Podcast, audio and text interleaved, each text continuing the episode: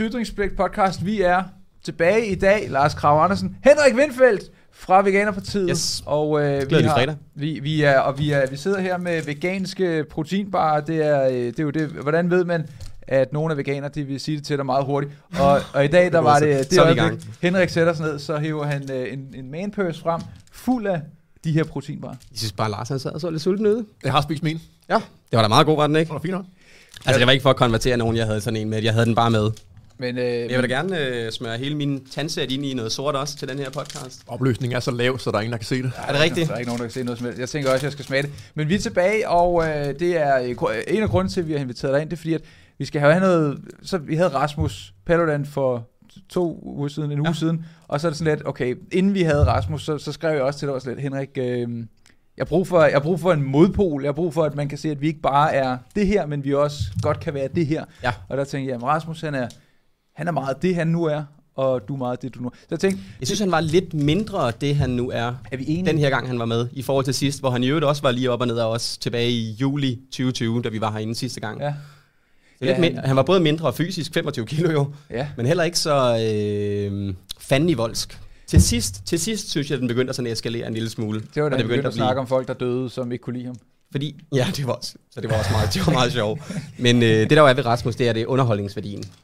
Det er det, han, det, er det, han kan. Han er ikke? en ja. cirkushest. Ja, det er han. Han står i managen, og så kan man prikke til ham, og så kan man få noget sjovt ud, ikke? Det kan man. Uh, han er en af de nemmeste mennesker at interviewe ever. Altså, han er Ja. ja. virkelig begynder interview-offret, fordi man skal bare spørge ham om et eller andet totalt uh, random, så kan han fortsætte i 20 minutter. Ja. ja, det er sådan tak til Rasmus for at invitere jer to til hans podcast. Ja, det er, det er Ja. lige før nogle gange. Men, Ja. ja. men det vidste jeg også godt på forhånd, hvor det er sådan lidt, okay, vi skal nå at cutte vores emner ned, og så, men vi kunne have lavet en fire timers podcast med. No problem, fordi Ja. at jeg, jeg havde masser af spørgsmål nu. Men jeg har også masser af ting til dig, og ja. øh, lad, os, lad os starte ud, øh, Henrik og Lars. Lad os da lige øh, give et skud ud til, øh, til sidste skoledag. Tillykke med alle jer, der har sidste skoledag. Vi har jo masser af sidste skoledagslyttere, der sidder derude Ja. i, i parker rundt omkring landet lige nu, med det her på Soundbox, det er jeg sikker på. Yes, og øl i hånden, og pas på. og, og, og, og, og barberskum øh, bag øret og sådan noget. Og så kan jeg også give et skud ud til, øh, jeg øh, har lavet mig fortælle, at der er en, der er blevet forlovet i dag.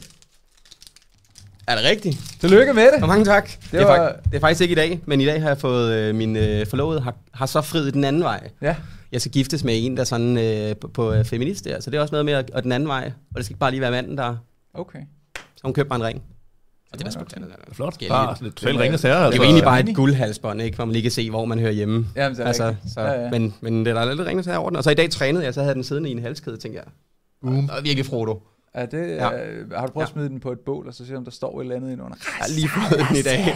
Så ikke endnu, men det kan det være, at vi skal ud sammen med nogle af dem, der har sidste skoledag. Og Ja, og, det var svært. Jeg tror, jeg tror min forlovede kigger med. Tine, jeg brænder ikke ringen af, jeg lover det. brænder ikke Men rent. vi skal giftes Men- til august, ja. Tillykke med det. Mange tak. Så, og, øh, så det er simpelthen fedt. Jeg så det, altså at nu hvor du siger det, så kan jeg godt huske, du havde lagt noget op på et tidspunkt om, at, I, om at du også havde spurgt hende. Men lige da jeg så det, så tænker jeg, det er next level. Det Mm. er simpelthen Henrik Vindsfeldt. Han er så busy, at det er kæresten, der er nødt til at, at så sige, hey Marker, nu skulle vi lige gifte os, eller hvad? Altså i 2022 skal kvinden jo også have lov til at spørge, om man øh, vil giftes og så videre, men i min sådan lidt mere konservative Ja. hjerne, der er det mand, der spørger om sådan noget. Og det gjorde jeg den 23. december. Okay. Ja. Ja, Okay. Så fik vi også en lille ceremoni, hvor vi krammede og græd, og det er jo... Har I været forlovet, nogle af jer? Øh, ja, Jeg kan godt svare først, men nej, det har jeg ikke. Nej. Øh, Nej, det kan noget, når man sådan committer til hinanden. Det kan noget. Så bliver dine problemer, det bliver også mine problemer. Så er du ikke bare irriterende. Det er også det, min det, det er ikke så godt, hvis man er sammen med nogen, der har lidt for mange problemer så. Eller Så hvor kan man- man, Min, min skattegæld bliver til din skattegæld. Og, Ja, Og det Ja, gør ja, det så bogstaveligt talt, ja. ja. ja. Øh, men, øh, men noget andet, der også skete øh, det, omkring den tid, hvor du så blev, øh, blev forlovet, det er jo øh, al den drama, der har været i Veganerpartiet. Fordi Mhm. mm-hmm. sidste gang, du var herinde, der var du her med øh, Michael Mundberg, Ja. som øh, dengang, der sad bordet en lille smule anderledes, I sad på den side. Og, og, så, og det var en... Øh, jeg synes det gik meget godt, jeg havde en god dynamik og sådan noget.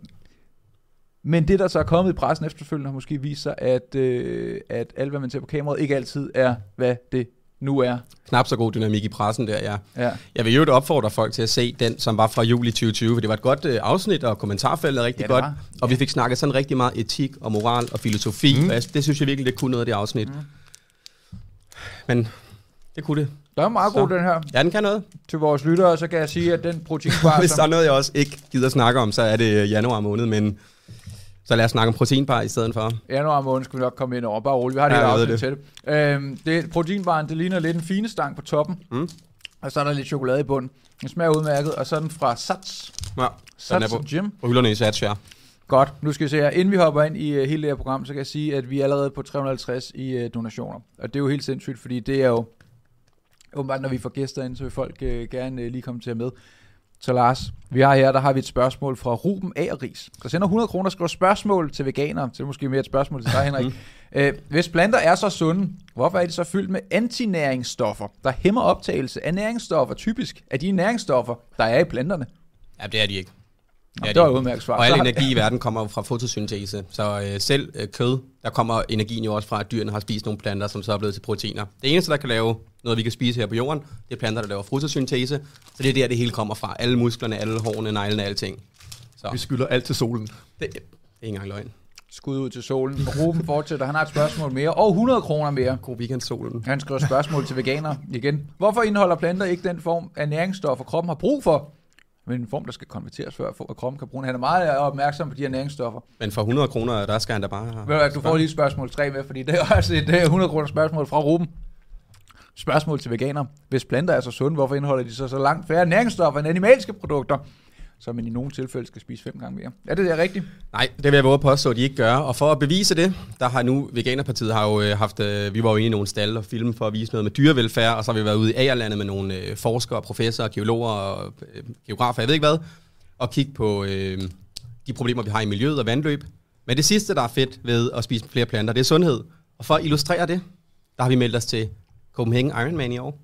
Nå. Yes, Og og, når træner du siger vi, er det så... Øh, mig og så en fra bestyrelsen, der hedder Morten, som i øvrigt også veganer, forsøger at kvalificere sig til Kona, som er verdensmesterskabet i Ironman. På Hawaii, ikke?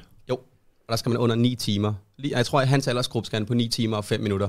Og jeg skal bare overleve. Jeg skal bare gennemføre. Jeg tror, jeg bare lige for at køre ud af en tangent, jeg tror, jeg læste en bog af Torbjørn Sindballe, og han, Mm. mm. øh, der er pisse varmt derovre, så Ja. nok. Og det var hans udfordring med at øh, kunne kapere varmen, simpelthen. Det er en lang dag, hvis der er varmt, ja. Det tager jo mm, 13 timer, tror jeg, jeg gør det på. 13-14 timer. Men de gør det så på 9. Hmm. Altså derovre til verdensmesterskabet, ikke?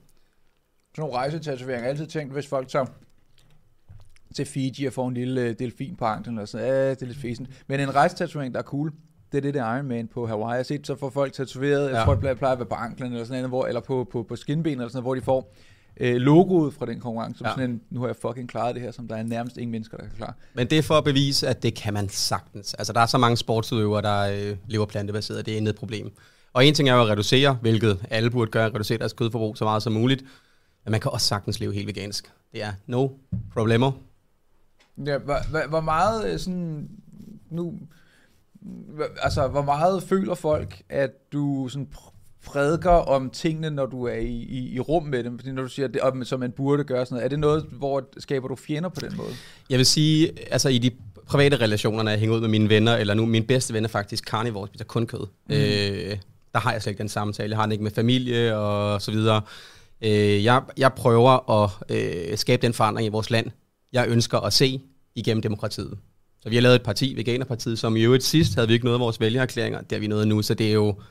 Altså det projekt, der startede som noget, der måske var lidt fjollet med at spørge Jacob Ellemann, om øh, han synes, det var okay, at der døde grise Han i- elskede bacon. og han elskede bacon, Ja. ja. at det endte her med, at vi ud af de 100 partier, der var opstillingsberettet, var et ud af tre, der rent faktisk nåede det. Det er jo altså mest sindssygt, at det kunne blive til sådan en stor succes. Ikke? Og jeg tror, vi kommer i Folketinget. Det tror jeg virkelig, at vi gør. Mm. Hvad står I til nu? Så der har været en lidt turbulent tid, hvor vi har været nede og skrave øh, nærmest, at man ikke kunne se os i, i statistikker. Men Opinion, som er den største, poler os mellem 0,6 og 1 procent nu. Mm. Og vi har ikke engang rigtig præsenteret folketingshold. Og vi er i dialog med nogle... Vi har en, en erhvervsklub, der er sindssygt god, og vi er i dialog med nogle øh, fremragende. Altså, vi, vi prøver bare at finde de bedste mennesker til at transformere det her. Så dem, vi skal bruge. Så vi har en læge på vores folketingshold, og nu vil vi rigtig gerne have en, Martin der har... fra Martin og Ketil. Eller han er i hvert fald øh, et eller andet... Måske øh, spoiler, men ham Nå, snakker okay, vi også jeg vidste ikke, om det var så meget... Nej, øh, nej, ham snakker vi også rigtig meget med. Han har været verdensmålsordfører i Københavns Kommune mange år. Han er i det, der hedder Dansk Vegetarisk Forening nu.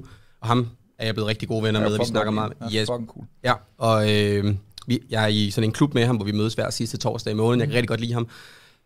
han vil være fremragende, så er der en, øh, som har 20 års erfaring fra Miljøministeriet, vi prøver, og som har afrapporteret til EU og FN, som også bare er fremragende, i øvrigt også veganer gennem mange år. Hans søn stiller allerede op for os. Så jeg tror, vi kommer til at stille med det ledeste folketingshold, hvor folk kommer til at tænke, Henrik, hvad laver du? hvad laver du der, ikke? Øhm, men jeg er jo også efterhånden med fire år i industrien og ude i stallene og i A-landet, ude og kigge på vandløb og sanglærker og fugleliv, er jeg jo også efterhånden blevet en industriekspert, ikke? For jeg har jo virkelig været besat af det her i lang tid, for at prøve at skabe den her forandring, som jeg jo mener er, altså den skal vi i gang med her i Danmark, ikke? Hvis vi snakker biodiversitetskrise her i verden, så Danmark, vi er bare allerbærest i bussen. Mm. Det mest opdyrkede land, øh, procentvis på hele jordkloden, ikke? Størst kødproduktion per indbygger på hele jordkloden. Og det skal transformeres, og det har vi så til forskel fra sidst nu anvist en plan til. Altså mødtes med agronomer og øh, økonomer og alle mulige forskellige for at kunne anvise en plan. Og den plan den går ud på at lukke alt det, der hedder konventionel landbrug her i Danmark. Så det er ikke noget med, at kød skal være ulovligt, men det er i første valgperiode, der vil vi i gang sætte det infrastrukturprojekt, som det er at afvikle den konventionelle produktion. Og det er jo alle de her industribygninger, hvor der er øh, turbokyllinger, og hvor man fastspænder grisene, alle dem der, hvor de værste videoer, man overhovedet ser på nettet. Mm. Derinde, der er de filmet, dem vil vi lukke alle sammen. Og det er over 2.000 industribygninger, som skal have et nyt formål, og det er et stort infrastrukturprojekt. Hvordan vil I rent uh, lovgivningsmæssigt gøre det? Vil I, sådan, uh, vil I lave en lov, der siger, okay, nu skal hver gris, skal den have, uh, lad os sige, 5 kvadratmeter per gris, eller sådan? Var det ikke noget med, at den havde 0,6 eller 0,8 eller sådan noget uh, i dag? Uh, hvordan vil det lovmateriale se ud, hvor I gjorde det? Eller vil I bare sige, okay, vi uh, lukker det sådan per dekret, det er ulovligt at dyrke konventionel landbrug i Danmark? Så vi har ikke råd, den danske stat har simpelthen ikke råd til en ekspropriering af det danske svinelandbrug, fordi der er privat, gæld på tre, privat og offentlig gæld på 300 milliarder, så det kan vi ikke gøre. Noget af det, altså vi kommer til at øh, fremsætte lovforslag, hvilket i øvrigt er det, der har skuffet mig allermest i den sidste valgperiode for dem, der kalder sig grønne politikere, at man ikke har gjort det, men fremsætte lovforslag, der squeezer industrien. Så det kunne for eksempel være et pladskrav, som vi godt ved gør, at det ikke længere er muligt at producere på den måde.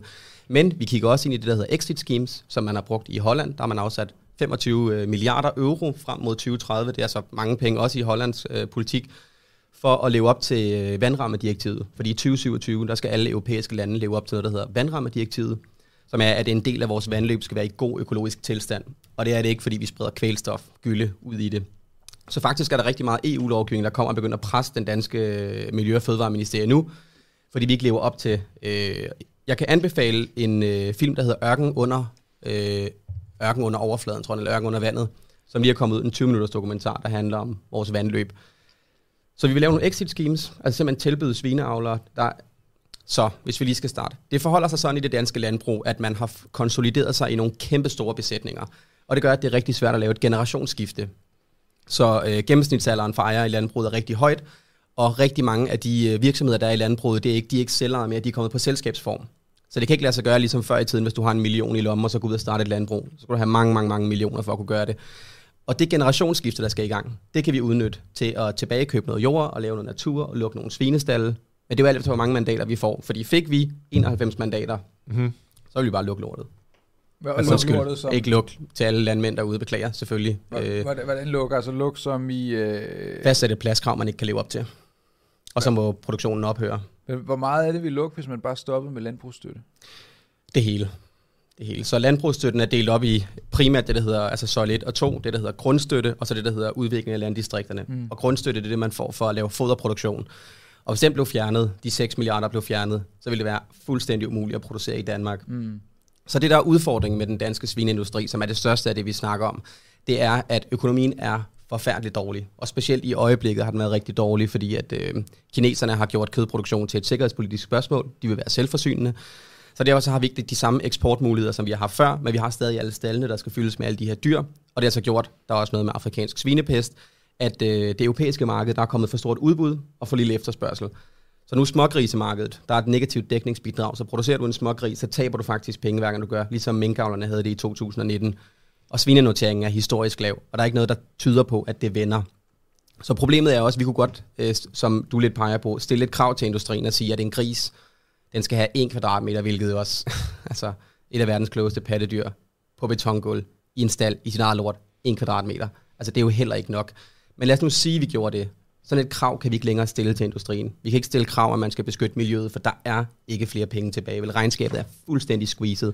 Og det vi så siger, det er, måske skal et videnssamfund som Danmark, der har relativt høje lønninger, ikke konkurrere i et primært erhverv. Vi tjener penge på medicin og alt muligt, som vi snakkede om sidst, ikke? og olie og industrimaskiner. Og det er der, vi skal tjene vores penge. Vi skal ikke fortsætte med at konkurrere i det her erhverv, som alle de penge, der kunne tjenes i erhvervet i værdikæden, det er det, der hedder forædling, hvor man ryger det, eller øh, lad os man, hvor, man, hvor man laver kødet om til bacon. Det er flyttet ud af landet. Så Tulip og alle de gamle kødbrands, de forædler i Tyskland. Der er ikke nogen penge tilbage. Der er ikke noget tilbage. Der er bare en sæk lort. Og det Men der er så også forskel på, hvordan, lad os sige med eksempel, øh, jeg kan være rigtig uenig i helt, hvordan at øh, minkproduktionen er foregået. Men jeg synes ikke, at det har været en i orden måde, at man har lukket det ned på. Øhm, og det er så der, hvor jeg er nysgerrig på at høre, når du siger, at så lukker vi det bare ned. Har vi 91 mandater, så lukker vi det bare ned. Vil det være øh, grundlovsstridigt, øh, og vil det være lukket ned, som i at vi lukker det indirekte ned ved at sige, alle de penge, som vi har kastet nakken på jer i al den tid, det skærer vi ned hen over de næste fucking fire år, indtil der ikke er flere øh, penge tilbage, og så må I øh, selv finde på en måde at omlægge det på. Ej, der er rigelig hjemmelig lovgivning til at lukke det allerede nu, fordi at øh, de produktioner, vi har nu, lever på ingen måde op til dyrevelfærdsloven, så der, der er sådan en masse undtagelser, man har lavet, eller man har set igennem fingre med, og det er alt fra øh, pladskrav til halekupering til beskæftigelsesmateriale. Så fik man Fødevareministeriet, så ville man kunne lukke det hele i morgen. Der er simpelthen bare på, øh, altså med hjemmelig lovgivning allerede nu, fordi at man har... Så det, der sker i den danske svineindustri i 70'erne, det er, at man tænker, dansk svinekød, det bliver sådan et premiumprodukt. Altså fordi det er dansk, og det er stemplet Danish Crown, så kan det sælges lidt dyrere end resten af verdensmarkedet, så derfor kan vi godt sælge det, selvom vores omkostninger er lidt højere. Den prisstigning, den kommer aldrig. Så derfor så bliver det sådan et race mod bunden, laveste fællesnævner, hvem kan producere billigst på kontinentet eller i verden, men for, europæ, altså for, for Danmark her på kontinentet. Og det race, det går vi med i, og, vi, øh, og så for, fordi man får mindre og mindre dækningsbidrag, så er man nødt til at producere større og større. Og så ender vi så hernede for enden af den blinde vej, hvor vi producerer 32 millioner svin og kører 14 af dem ud af landet levende, og der dør 10 millioner i processen, dødeligheden. Altså, så, så der er bare ikke... Der er mange, der snakker om, at vi skal omstille landbruget. Og det er også med på, at vi skal omstille meget af landbruget. Men der er også en stor del af det, der simpelthen bare skal afvikles, fordi der ikke er nogen penge i det. Det er ikke til gang for danskerne. Nu vælter det ud med undersøgelser, der viser, at det er usundt at bo i de her ammoniakfyldte områder med kvælstof i nærheden af de her svinefabrikker.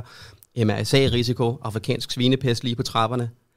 Økonomien, økonomien er bare så dårlig, så nu skal vi bare lukke det. Altså nu er der ikke nogen diskussion længere. Og, og, og nu kommer vi og siger det, og vi anviser vejen, finder eksperterne, laver planen, her er den. Og det har ikke noget at gøre med danskernes kødforbrug. Danskerne vil stadig kunne spise alt det kød, de vil, fordi det er eksport alt det her. Så Veganerpartiets projekt handler faktisk, øh, størstedelen af vores projekt handler faktisk om eksportpræferencer. Altså vi skal eksportere noget andet, for der er ikke nogen penge i det her, og vi hælder så mange penge i det. Hvordan kan det være, at der er så stor politisk vilje til at have den produktion, når den er så urentabel, som den er? Altså, hvad er det, der sker i den politiske maskine, der gør, at det kan lade sig gøre? Så noget af det, landbruget har været rigtig god til, det er at øh, etablere sig først i andelsselskaber, altså Arla og Danish Crown, men så også i øh, lobbyorganisationer. Så det, der hedder Bæredygtigt Landbrug, som lige har fået en, en øh, ny spids, der hedder Peter Kjær, som i øvrigt var ham, der gav mig en lev på i radioen, hvis I kan huske det. Og han afløser en, der hedder Flemming Fuglede, som har været rigtig god til at, at lobby. Og så den allerstørste er det, der hedder Landbrug og Fødevare, som i mange år har været tegnet af en mand, der hedder Martin Merl, som har været sindssygt dygtig, og nu en, der hedder Søren Søndergaard, og de er rigtig dygtige til at øh, lobby. Så rigtig dygtige til, for det første, hvis du for eksempel som en sød ung kvinde, der hedder Lea Wermelin fra Bornholm, prøver at gøre noget, når du kommer i Miljøministeriet, så bliver du havlet ned, ikke? Bliver ved med at spørge, om man skal have second opinions til kvælstoftal, og bliver ved med at havle ned i medierne. Og så noget andet, de er rigtig gode til, det er, hvilket er meget sjovt, nu så vi lige Nick Hækkerup, han røg til Bryggeriforeningen. Men hans søster, Karen Hækkerup, hun gjorde faktisk præcis det samme i Helle Thornings regering. Mm. Så hun havde været, øh, jeg tror det hed, øh, fødevare, landbrug nej, øh, Miljø, Fødevare og Fiskeriminister hed det dengang. Mm. Hun var så blevet rykket over i Justitsministeriet, og så inden regeringsperioden slutter, der går hun faktisk også på tv og siger, at hun er blevet direktør af Landbrug og Fødevare. De har lige omkring en milliard på toplinjen og 1000 medarbejdere, som hver eneste dag bare prøver at få danskerne til at, at tro, at, at det er en god idé. Jeg, var til et, eller jeg øh, så en optagelse fra et foredrag, øh, som var meget sigende, som Martin han holdt, hvor han siger, hvis ikke vi kan overbevise danskerne om, at det er godt for dem, at vi fylder, og at vi lugter, og at vi bruger dyrene, og at vi er på vejene, bruger vejene. Hvis ikke vi kan overbevise danskerne om, at det er en god idé og godt for Danmark, så får vi ikke lov til at være her. Og det er de så verdensmestre i. Og det er jo derfor, de synes, jeg er en skiderik og sagsøger mig og sådan noget der, for jeg prikker lidt hul på den historie der. Er de sagsøgt Hvordan er det? Jeg, Ja. jeg sad og så vores øh, Men kun sidste... for 465.000. Så. Nå, det er pebernødder. viceversa. Man får dem bagefter. kan jeg få dem i Øh, bitcoin? Okay. Det kunne du nok. Øh, nu er det faldet, så det er måske mere Så problem. det er flere bitcoin nu? Er det lidt mere. Øh, men sidste gang, du var inde, der fortalte du om der, hvor du havde været ulovligt inde i en stald og Mm. filme, mm. og du var blevet sagsøgt til langt Mm. ind i helvede og sådan noget. Ja. Nu fortalte du lidt om det, men øh, er der kommet nogen afklaring på den sag, og hvad var det sådan lige kort, det egentlig handlede om? Så historie om det danske retssystem. Det her forhold, det sker i maj 2019, og der bliver først berammet øh, retsdag, eller retsmøde, altså der, hvor man skal i retten, i december 2020. Og der får vi, øh, jeg får øh, 60 dages, ube, 60 dages ubetinget, nej, betinget fængsel, så jeg skal ikke afzone den. Mm. Betinget, at jeg ikke gør det igen. Den anker vi, øh, og det er sådan lige begrænset, hvor meget jeg kan øh, kommentere på sagen, men bundlinjen er, at han er en løgner. Det kan jeg bare sige. Og det er de også. Og det er sådan noget, det man kalder slap lawsuits, kender man det fra i USA. Altså, det er sådan set ikke så interessant, om man vinder eller ej. Det handler bare om at begrave en politisk modstander i papirarbejde. Og den er så anket, og så tænker man, så går der vel en måned eller to, så får man det afgjort. Det gjorde der ikke. Så nu her i Sådan Øh, det ikke, nej. november 2022, det er så overdrevet den pukkel, der er i retssystemet. Det, det er der seriøst nødt til at blive gjort noget ved, fordi nu, jeg skal ikke afzone, øh, jeg får ikke en ubetinget dom. Men det hjælper, det går jo ikke, at hvis man begår et lovbrud i dag, at man så de næste fire år ikke kan planlægge sit liv, fordi man ikke kan afzone før om en evighed. Men i november 2022 er der berammet ny, et nyt retsmøde, så der skal vi i retten igen, og så skal vi have den afgjort. Og så efter det kommer der så en civilsag, som er øh, det her øh, erstatningskrav. På de der 400 nogen og 1000. 465.000, ja. Okay. Og det er sådan et arbitrært tal, som er... Hvor er det det, kommet frem? Hvor, hvordan Så- retfærdiggør de det? så der er noget, der hedder en SPF, Specific, Specific Pathogen Free øh, godkendelse, som en svinestal kan få. Mm. Og hvis den har den, så kan, så kan grisene køre med nogle bestemte lastbiler, og de kan handle med nogle andre øh, købere. Man kan være leverandør til nogle andre firmaer. Og så afregner man en lille smule dyrere, fordi at man har sikret sig, at grisene er fri for primært det, der hedder PRRS, som er en øh, respirationssygdom. De her dyr, de er fucking syge ude i de stalle her, fordi de går ind i deres eget lort. Luftkvaliteten er forfærdelig. Så de har arvæv i lungerne, det gør, at de nemt får nogle sygdomme. Og fordi jeg så åbner den dør her, så bryder jeg den her SPF Mm. Jeg kan godt huske, du nævnte sidst. Ja. men det er så latterligt, fordi jeg har på optagelser, og de selv sjovt nok laver en film, hvor de fortæller om sagen, hvor man i baggrunden kan se, at der står en dakaspand fuld af døde grise, og det er den største kontaminationsrisiko, man kan have i en stald, det er at de her døde grise, daka, at de tager sygdommene med rundt. Den står lige op ad stallen.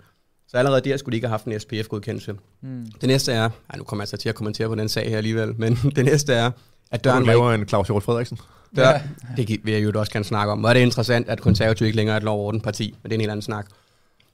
Så døren skal være låst selvfølgelig Mm. til den stald. Ja, den må ikke bare være åben, så man kan gå ind. Fordi hvis naboens knæk kommer til at sparke bolden ind af vinduet eller et eller andet, så skal det ikke være sådan, så han åbner døren, og så skylder han 500.000. Mm. Så det er bare sådan et slap lawsuit, der handler om, at øh, lad os lige se, om vi kan sørge for, at Henrik han ikke har råd til at have bil, og ikke har råd til at have alt muligt. Men jeg tror, vi vinder. Og jeg tror jo det også, ud over oksekødrapporten og Danbred, så tror jeg, det, det her det bliver en af de største skandalsager, Landbrug og Fødevare nogensinde har haft. For når folk ser de optagelser der, Mm. og det bliver, dem har vi jo holdt lidt på, men det bliver, når den sag her er afgjort, og hvis det falder ud til vores fordel, hvilket jeg tror, det gør, Var det noget af det, hvor vi så, hvor, hvor det lå noget på nettet med rotter, der løb rundt? Og, øh, Nej, det, så det, det er den første optagelse, jeg nogensinde lavede i en svinestal. Det er den Ja. med rotterne der. Nej, det her det er et gyldeanlæg, der er gået i stykker, så derfor kommer der lort op af gulvet, så grisene står bare i deres Mm. eget. Og det er jo fordi, de her industribygninger, de er automatiseret. Så der er ikke så mange medarbejdere derude, der kommer medarbejdere og fjerner de døde grise. Men hvis der går et eller andet galt, som for eksempel i det her tilfælde, der er en gyldekanal, der er stoppet til, kommer det bare op af gulvet. Og det var ikke et særligt kønssyn. Var I der, fordi I vidste, at der var det problem, eller var det et tilfælde? Så jeg skal jo ikke sige mig fri for, at jeg har været interesseret i, hvad der sker ude i stallene. Men på det her tidspunkt, der har vi været til noget, der hedder Madens Folkemøde nede på Lolland. Og vi har været på scenen, så vi er i pænt tøj og sådan noget der. Det var jo slet ikke planlagt, at vi skulle ud og se et øh, svinelandbrug. Men så nogle af dem, som øh, har været med til det her folkemøde, øh, jeg skal jeg hvor meget jeg siger om den sag, ja. Men i hvert fald, så skal vi bare se den svinestal. Mm. Så vi bare ind på gårdspladsen for at se den. Angiveligt. Vi, vi giver en et, angiveligt giver vi en et lift øh, hjem fra det folkemøde her, mm. madens folkemøde. Og så på vej hjem snakker vi om svineproduktion, fordi det havde været temaet for hele dagen, så det snakker vi lidt videre om. Og så siger jeg, jamen øh, vi er på Falster, der er ikke, altså de ligger som perler på en snor her, mm. så vi kan bare køre motorvejen, og så kan vi lige, bare lige kigge ind. Og på det her tidspunkt ved jeg ikke så meget om svineproduktion, som jeg gør nu, for det er tilbage i 2019. Og så ligger der nogle døde grise ude på gårdspladsen, hvilket for det første undrer os, at øh, hvorfor ligger der døde grise og, og flyder, og det er så endnu et lovbrud, men der, de er alle steder. Var der kamera med på det her? Ja, jeg filmede det hele. Ja. Generelt filmer jeg alt. Øhm, Vi har jo Også- også, også fotograf på lige nu, så, øh, så, så alt, alt bliver filmet. Ja, men det er også noget med, i hvert fald i sådan en situation, der er jeg nødt til at kunne dokumentere, Ja, ja, hvad der egentlig skete og sådan noget. Så der ligger de her grise og flyder, og jeg laver en livestream og filmer også, at jeg går og kalder på en medarbejder. Men den gang her, der, jeg vidste slet ikke så meget om det system her, som jeg gør nu.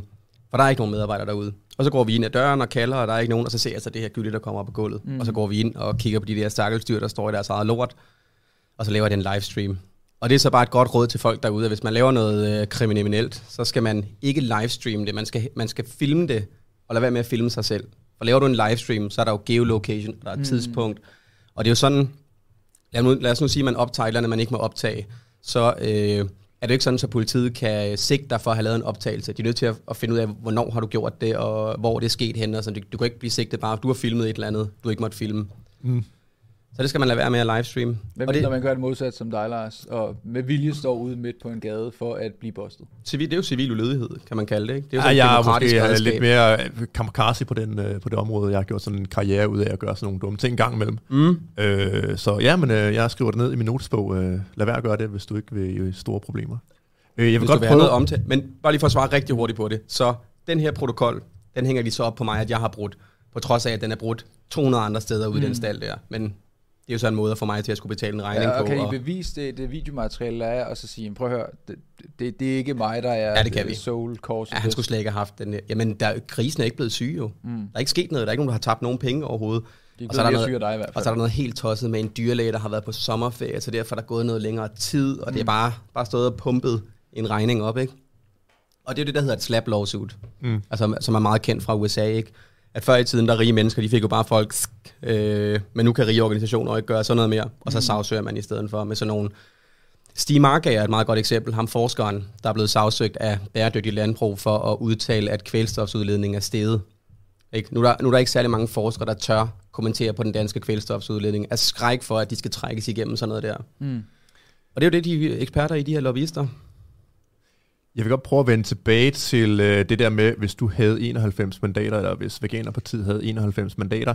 Ryster du ikke bare en lille bit smule på hånden, når du vil bruge så øh, omsaggribende magtmidler til at lukke øh, en hel industri i Danmark? Altså, man kan godt sige, at hvis, hvis man mener, det er berettiget, og der er nogle ting, der taler for, at du har ret, at de mm. lever under nogle faldige forhold, de her svin og andre dyr, men så kommer man til at leve et samfund, hvor staten virkelig kan lave meget, meget store indgreb i forhold til den private ejendomsret. Er det noget, du tænker over, som kan være sådan et, et tvægget svær? Altså, hvad bliver det så brugt til næste gang? Ja. At nogle andre vil have et eller andet stort projekt, hvor de bare tænker, nu vil jeg gøre verden til et øh, sted, der mere passer i min øh, ideologi. Ja, jeg forstår. Ja.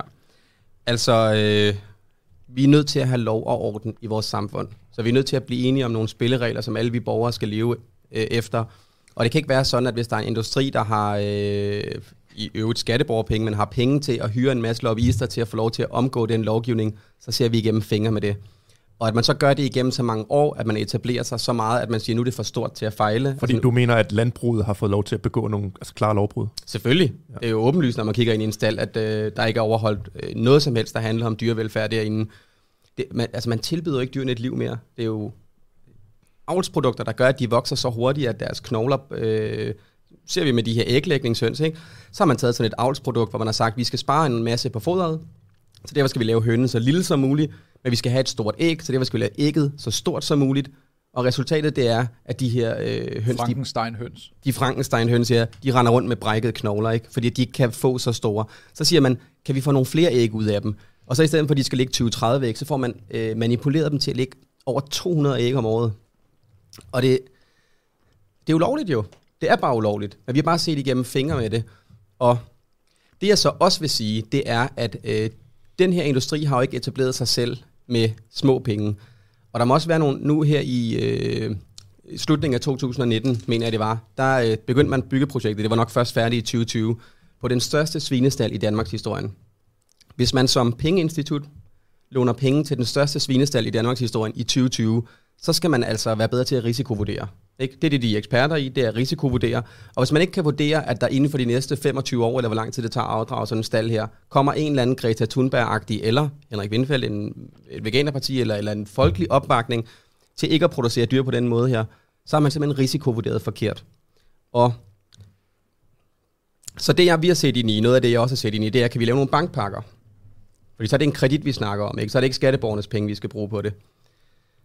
Og altså, jeg har sgu bare nået til grænsen nu. Ikke? Det, jeg tror allerede, hvis jeg havde været her i, i år 2000, hvor Svend Augen jo et løftede det her problem og sagde, at vi er nødt til at have et krisestop, det vil jeg stikke helt af.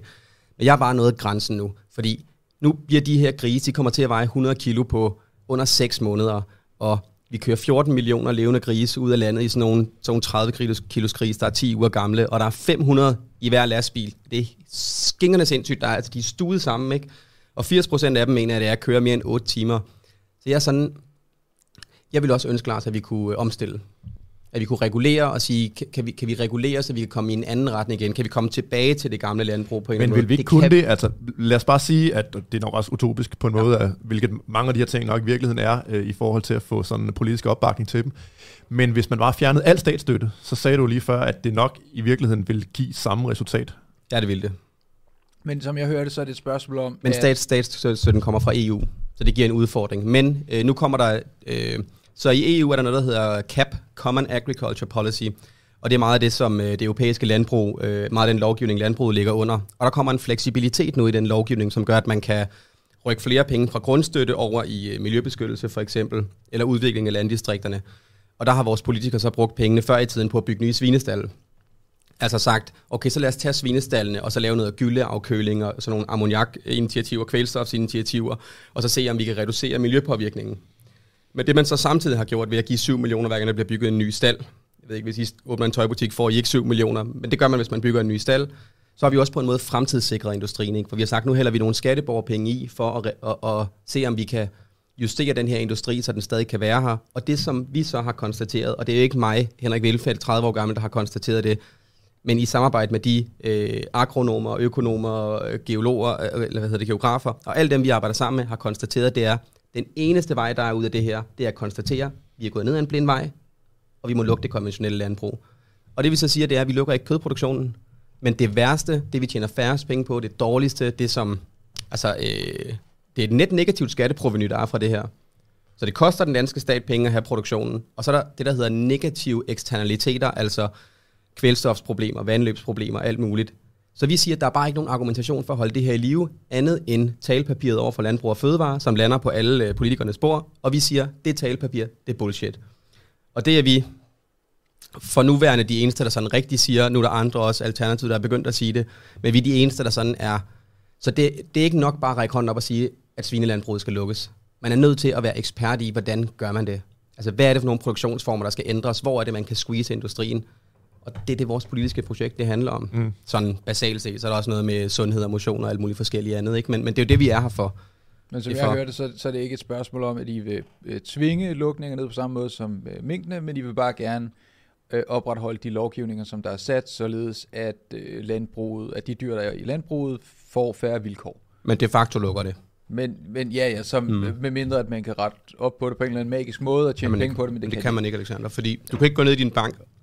Hvis du nu har en stald, hvor du har en aftale om, at der skal være en belægning på 100.000 grise om året, så kan du ikke gå ned til din bankmand og sige, jeg har fået en god idé, fordi jeg så podcast med Veganerpartiet i ytringspligt, nu vil jeg gerne have 50.000 grise. Ikke? Fordi i forvejen ringer din bankmand hver anden fredag og siger, hallo, mm. der er ikke nogen penge, der er ikke nogen penge, fordi industrien er squeezed.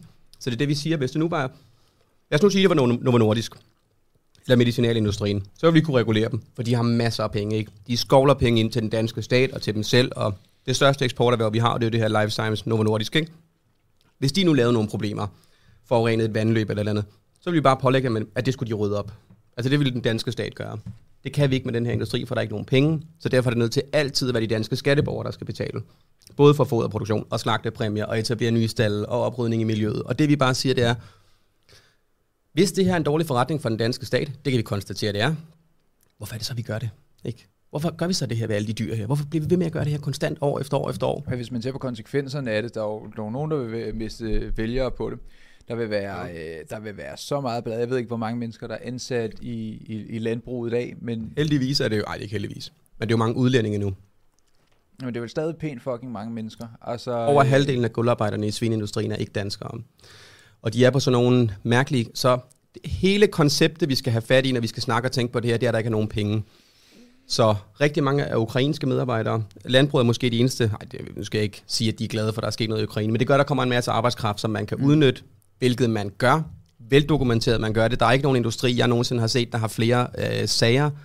3F har været rundt i, også i ledelsen af det danske landbrug. Søren Søndergaard, leder af Landbrug og Fødevare, har også haft en sag om, at man øh, kræver til- tilbagebetaling fra medarbejderne, for der er sådan nogle overenskomster, man skal leve op til. Så skal man så have medarbejderne til at komme med en kuvert og betale pengene tilbage. Ingen betaling for overarbejde, eller også så har man så lidt værelse på et hølloft, man skal eje til 15.000 om måneden. Så, så de danske landmænd, jeg har ikke noget grimt at sige om det. Er det et rigtigt tal, det her? 15.000 om måneden for et Jeg ved ikke, værelse? hvad det er. Jeg ved ikke, hvad det er. Men 3F har en masse sager, Okay. man kan, man kan gå ind og kigge på dem. Men det, jeg siger, det er, jeg har, jeg har, øh, jeg har ikke noget imod danske landmænd.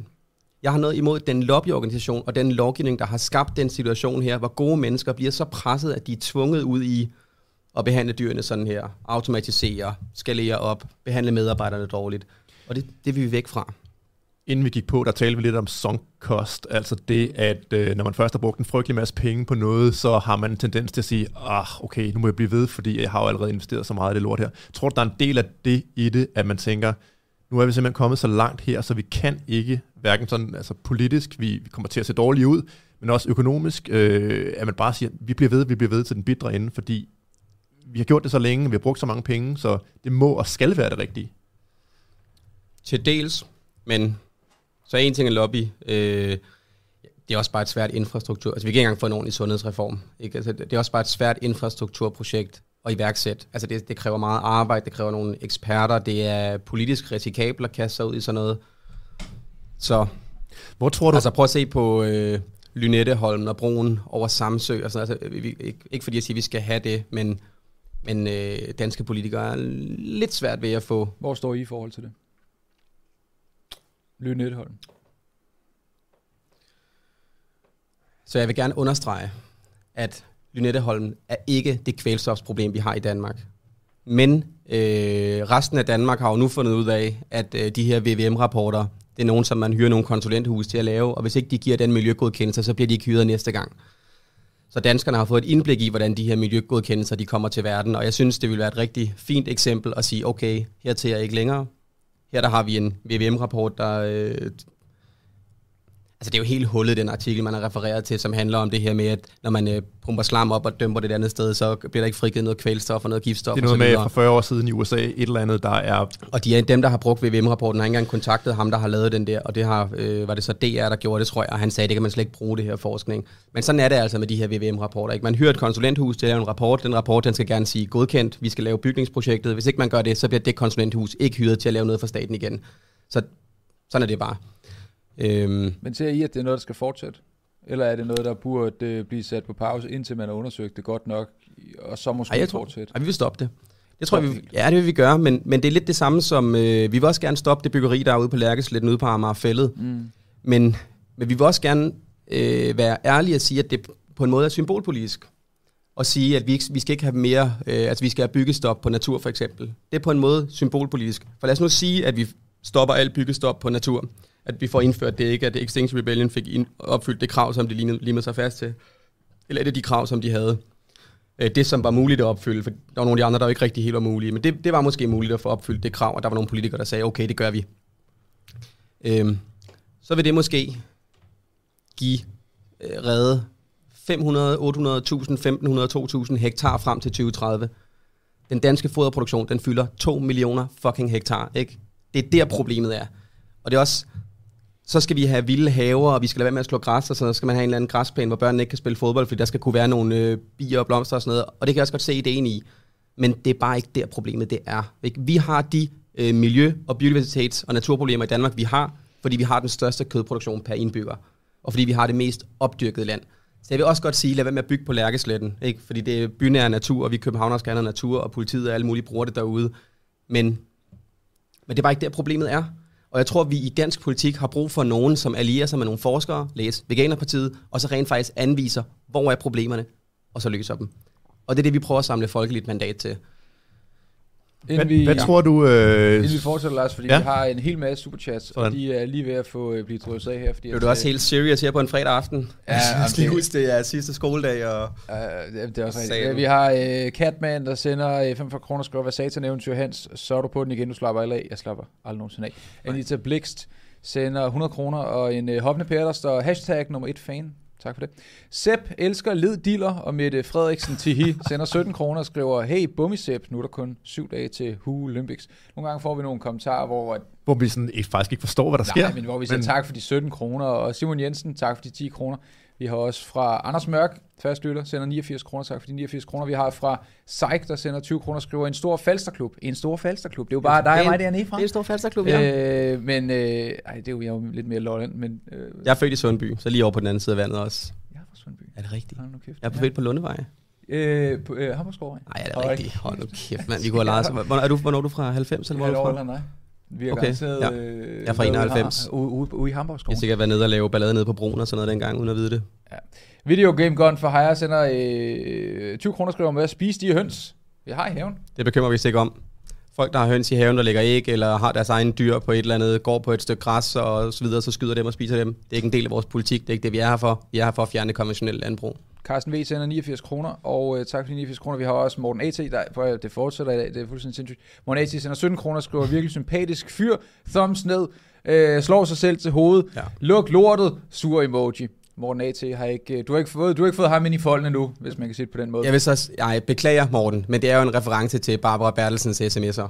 Altså det, er- ja, og, det, det er ægte farligt det her, øh, men nej, selvfølgelig ikke luk lortet. Og vi anviser også, øh, hvordan vi kan hjælpe landmændene videre, fordi det vi jo også oplever, og der er lavet store undersøgelser i Tyskland, der viser det, det er, at der er rigtig mange landmænd, der er fanget i det her. Og når vi snakker med landbrug ung, ungdom, vi er jo enige i analysen med dem, altså at øh, de her, øh, det landbrug her er blevet konsolideret i nogle store selskaber.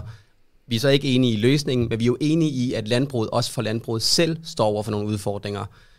Ikke luk, nej, ikke luk lortet. Men, men jeg vil dog gerne slå fast, at øh, det at sige, at det danske landbrug udelukkende skal udvikles, det vil være symbolpolitik og forkert, for det skal det ikke. Øh, 75 procent, 80-85 procent af det skal afvikles. Altså nødt til at lukke. Vi, vi skal ikke øh, konkurrere et primært erhverv i sådan et lille 4 millioner hektar land, som vi er her i Danmark. Det er simpelthen fuldstændig tosset for vores Du miljø. taler lidt som om, det, det er sådan bander, du har gang i. Det er sådan, at de er fanget i det, og der skal være et exit-program. Og, øh, Jamen, hvis du skylder 25 millioner i banken, Ja. så er du da fanget til at lave gris de næste rigtig mange år, ikke? Og hvis du er 60 år, som mange, altså generation, der er det der generationsskifteproblem i landbruget, det er svært for unge landmænd at komme ind, og det vi så siger, det er, at vi vil gerne have et landbrug, hvor hvis vi to har lyst til at dyrke nogle, øh, nogle svampe, eller nogle øh, frugter, eller nogle et eller andet, okay, nogle svampe til menneskelig konsum, som ikke er psykedeliske, okay. som ikke er med psilocybin, eller hvis vi nu har lyst til det, ja. så skal vi jo kunne gøre det relativt billigt. Vi skal nemt kunne komme i gang og lave lokal fødevareproduktion. Ikke? Vi skal have mere dørsalg. Når man kommer ned i Netto og Fakta, så skal alle frugter og grøntsager ikke komme fra Ecuador eller fra Spanien. Vi skal producere det lokalt her i Danmark, fordi i Danmark, der har vi den mest frodige landbrugsjord på hele planeten. Fordi vi ligger lige på kanten af den gletsjer, der var i den sidste istid. Så vi har fået den mest frodige jord lige ud over vestkysten i hele, på hele planeten. Og alligevel så har vi de dyreste fødevarer på, i hele øh, unionen. Det er kun, hvis nok kun lige Schweiz og Norge, som ikke er i EU, hvor det er dyrere. Er Og det det ikke statens skyld? Er det ikke bare moms og afgifter og øh, jeg ved ikke hvad? vi vil fjerne moms på alle økologiske plantebaserede fødevarer, fordi det er en menneskeret at kunne ernære sig selv godt og sundt. Så der var også lige en, en, et lovforslag fra Veganerpartiet. Noget jeg gerne vil spørge om også, det er sådan om politikernes motivation, altså hvis du skal motiv øh, analysere dem, fordi der er jo ikke så mange, som du er inde på, der har stemmeret i, øh, i landbruget. Altså hvis man er udenlandsk arbejder, så har man ikke stemmeret i Danmark. Hvad tror du, politikerne er mest bange for i forhold til at gøre noget i den retning, som du gerne vil? Altså hvis det ikke er, at man har udsigt til at miste mange stemmer i landbruget, hvad er det så? Er det fordi, Lobbyisterne. det er lobbyisterne, du, du mm. tror ikke heller, at... Øh, Prøv at kigge på minkerhvervet. Vi har en coronaepidemi her i Danmark, ikke? Mm. Og det eneste erhverv, der bidrager markant til smitten, det er minkerhvervet. Altså i, helt, i 2008 kom der en kæmpe stor rapport fra FAO, som er det FN's fødevareagentur, som advarer mod at have dyr på den måde her. Men Du, du må ikke have dyr på rad og række. Og hvis en bliver syg, hvad sker der så? Så bliver de alle sammen syge, og så kan virus mutere og sådan noget. Så landbruget har fået utallige advarsler. Lige i øjeblikket og de sidste 10 år, der har vi advaret imod svineinfluenza og MRSA, som jo er den her staphylococcus eller methicillin-resistente staphylococcus-bakterie, som nu er i hele svinelandbruget. Der har været uendelige advarsler omkring den her måde at holde dyr på. Så sker det her så. Der kommer en zoonose, som kan sprede sig først, lad os nu bare sige, mellem flagermus og mennesker. Og zoonose, det er noget mellem- med, at øh, en sygdom hopper fra en art til en anden. Ja, fra et, et menneske til et dyr. Øhm, og lad os nu sige, at den kom fra en flagermus. Det kan vi også godt, han snakker om, den gjorde det. Og så finder vi så ud af, at den kan hoppe over i en mink. Og så fordi man holder dyr på den måde her, så er det så med at øh, øh mutere, måske man får den her kloster 5, eller man får den her, måske den her mutation. Det kan vi også snakke om, om den er der. Men bare det faktum, at vi har et dyr, der kan smittes til, og det smitter sig op brrr, hele vejen igennem. Og den industri her ender med at få, nu er det ikke talt op endnu, men det bliver nok i omegnen af 20 milliarder kroner for en nedlukning. Og hvis der er nogen i kommentarfeltet, der vil snakke omkring sms'er og sådan noget der, så vil jeg også godt snakke om det, fordi jeg tror, det er så åndssvagt, og jeg tror, det borgerlige Danmark kommer til at få øh, røven i klaskehøjde for at gå så meget op i de sms'er og det her angivelige lovbrud, som jo bare var 20% af industrien fire dage for tidligt. Det er det, vi snakker om. Det er jo ikke ulovlig nedlukning af et erhverv. Det er fire dage for tidligt, at 20% af industrien blevet nedlukket. Det, det er den del af det, som er ulovlig. Fordi der var jo de her zoner, som man måtte godt lukke resten. Den industri, der forårsager det her, og forårsager dødsfald og smittespredning op i, øh, mest op i Nordjylland, er den industri, der ender med at få flest penge. Hvordan er det at være virksomhedsejer her i Danmark, og have en restaurant, eller en biograf, eller et teater, eller en eller anden virksomhed, som er fuldstændig urelateret til coronasmitten, og ikke få en skid? Det er en stor fuckfinger. Altså ikke få omsætningsdækning de næste 10 år. Jeg, sy- jeg synes, det er så tosset, og det er fordi, at uh, Horesta, for eksempel, hvis vi nu snakker om restauratørerne, ikke har været lige så dygtige til at trække penge ud af staten, som Landbrug og Fødevare har. En sjov historie, som der skal dykkes ned i på et tidspunkt. Det er, mens alt det her det bliver håndteret, konspiration, mens alt det her bliver håndteret, så Mogens Jensen, der håndterer det, hans personlige rådgiver, han hedder Søren Andersen, og han kom direkte fra en pressechefstilling i minklobbyen over ved Landbrug og Fødevare. Så jeg er faktisk mere interesseret i, hvorfor at man stoppede med at aflive mink der helt i maj, juni eller juni, eller hvornår det var, end jeg er interesseret i, om, prøv nu at høre det der lovbrud med det, hun har lavet. Ikke? Også jeg ved godt, at der er mange fra det borgerlige Danmark, der synes, at det er helt forfærdeligt. Jeg har selv været i det borgerlige Danmark. Det, der går galt, det er, at øh, hun må gerne øh, aflive 80% af de danske mink, fordi de er inden for de her zoner. Hun vælger så at sige, de sidste 20% tager vi også med, selvom de endnu ikke er inden for zonerne, fordi vi går ud fra, at de også vil blive smittet. Fordi på det her tidspunkt, der er det altså en steppebrand. Altså det spreder sig helt sindssygt på de her minkfarme. Det får hun så gjort fire dage for tidligt. Så går der fire dage, så vidt jeg husker.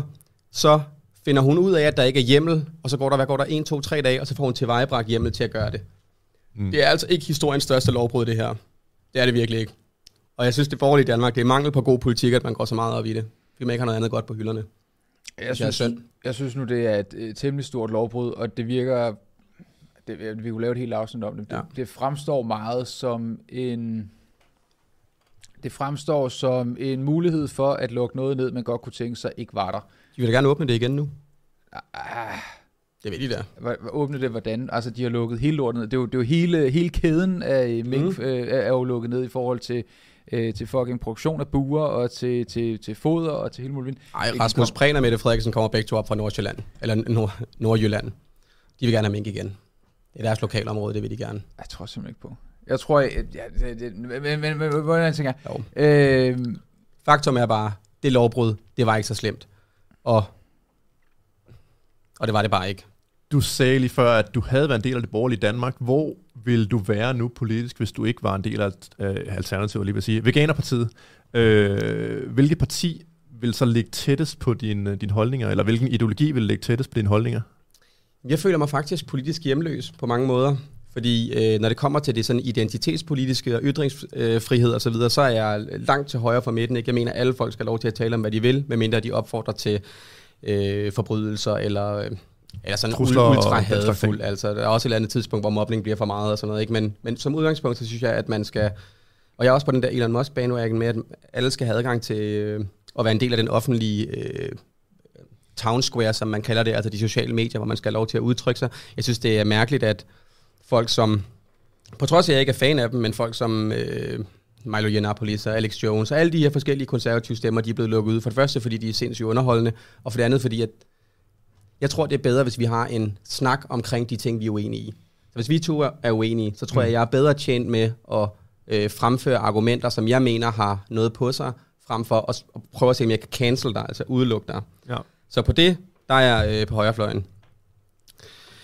Socialpolitik, der vil vi gerne involvere civilsamfundet rigtig meget. Der har vi nogle initiativer, som, som vil være sådan centrum-venstre, men alligevel også entreprenante, så jeg ved ikke, den der højre-venstre skala, findes den egentlig stadig rigtig i politik?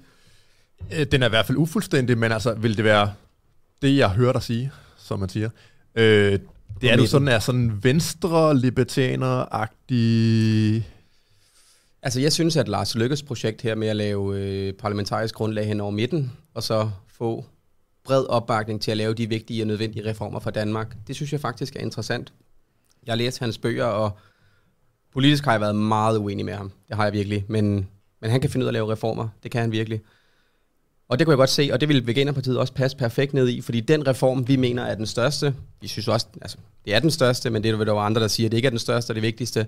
Den er vi eksperter i. Vi har know-how til det. Vi har de mennesker, der skal være med til at etablere den. Altså ligesom etablere det ekspertgrupper, det der skal til for at kunne lave sådan noget. Jeg kan jo ikke sidde og bestemme, hvad, skal, hvad der skal lukkes.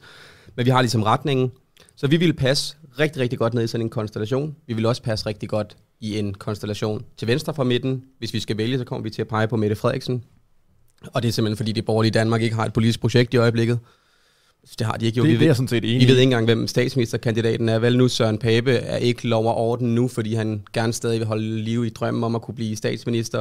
Og det borgerlige Danmark, det er ikke... Og jeg har selv stemt der. Men er det, Så er det godt, ikke, fordi jeg er er det en- godt at... Man kan godt sige, at det borgerlige Danmark ikke har et projekt. Det er jeg også fuldstændig enig. Jeg tror, jeg synes, borgerligheden i Danmark er, er død. Øh, også, ja. også den der almindelige borgerlighed, som øh, ikke nødvendigvis er sådan den anarkokapitalistiske feberdrøm. Men er det godt at have et projekt? Har du stadig den? Ja, ja, jeg har der. Den lever, den lever i fil. Bedste velgående inde i hovedet på mig. Så din thumbnail, den ene af, hvor der står, dropper Lars anarkokapitalismen. Jeg fik noget ikke at se den. Nå nej, men det, det er jo Alexander, der, der clickbaiter the shit Som out alt- of, som øh, af det hele. Som altid. Ja, ja. Øh, nej, nej, altså de principper lever stadigvæk, øh, men jeg er også sådan pragmatiker. Men det jeg egentlig ville frem til, det var, var, at ja, Socialdemokratiet har et projekt, men er det et godt projekt? Jeg synes, det er et dybt, dybt autoritært projekt, hvor man flytter rundt på folk, som bare de skakbrikker. Altså nu skal man øh, flytte øh, etnisk danske unge rundt på gymnasier for at fortynde øh, nogle problemgymnasier, og man laver øh, forsamlingsforbud, man vil... helt- Altså, man, man, Det er noget med at ændre på prioriteringsreglerne, så det er jo ikke helt så hårdt, som det er udlagt af det. Men jeg er med. Ja. Og der, der, nej, det kommer ikke til at Nej, ramme jeg så mange, Nej. som skrækscenariet er, men, men Socialdemokratiet har jo ændret karakter, hvor de får... Fører det ved jeg borgerlig ikke. politik. ja, det ved jeg ikke nærmest, hvad de gør, men de har i hvert fald øh, de er gået i en meget autoritær retning, hvor de er fuldstændig øh, uundskyldende over for, at de har en vision for Danmark, som de godt vil trumfe igennem. De er jo ikke på nogen måde klassisk liberale. De ser Danmark som et øh, socialdemokratisk land, og så skal de dele en dulme, få det til at blive det øh, med politisk magt. Det der med at lade folk være og gøre, hvad de gerne vil, og lade mor gå hjemme sammen med, med børnene, øh, og få fars skattefordrag og sådan noget, det er jo noget, som, som man ikke vil acceptere for socialdemokratisk hold. Man vil virkelig gerne presse folk ind til at leve socialdemokratisk.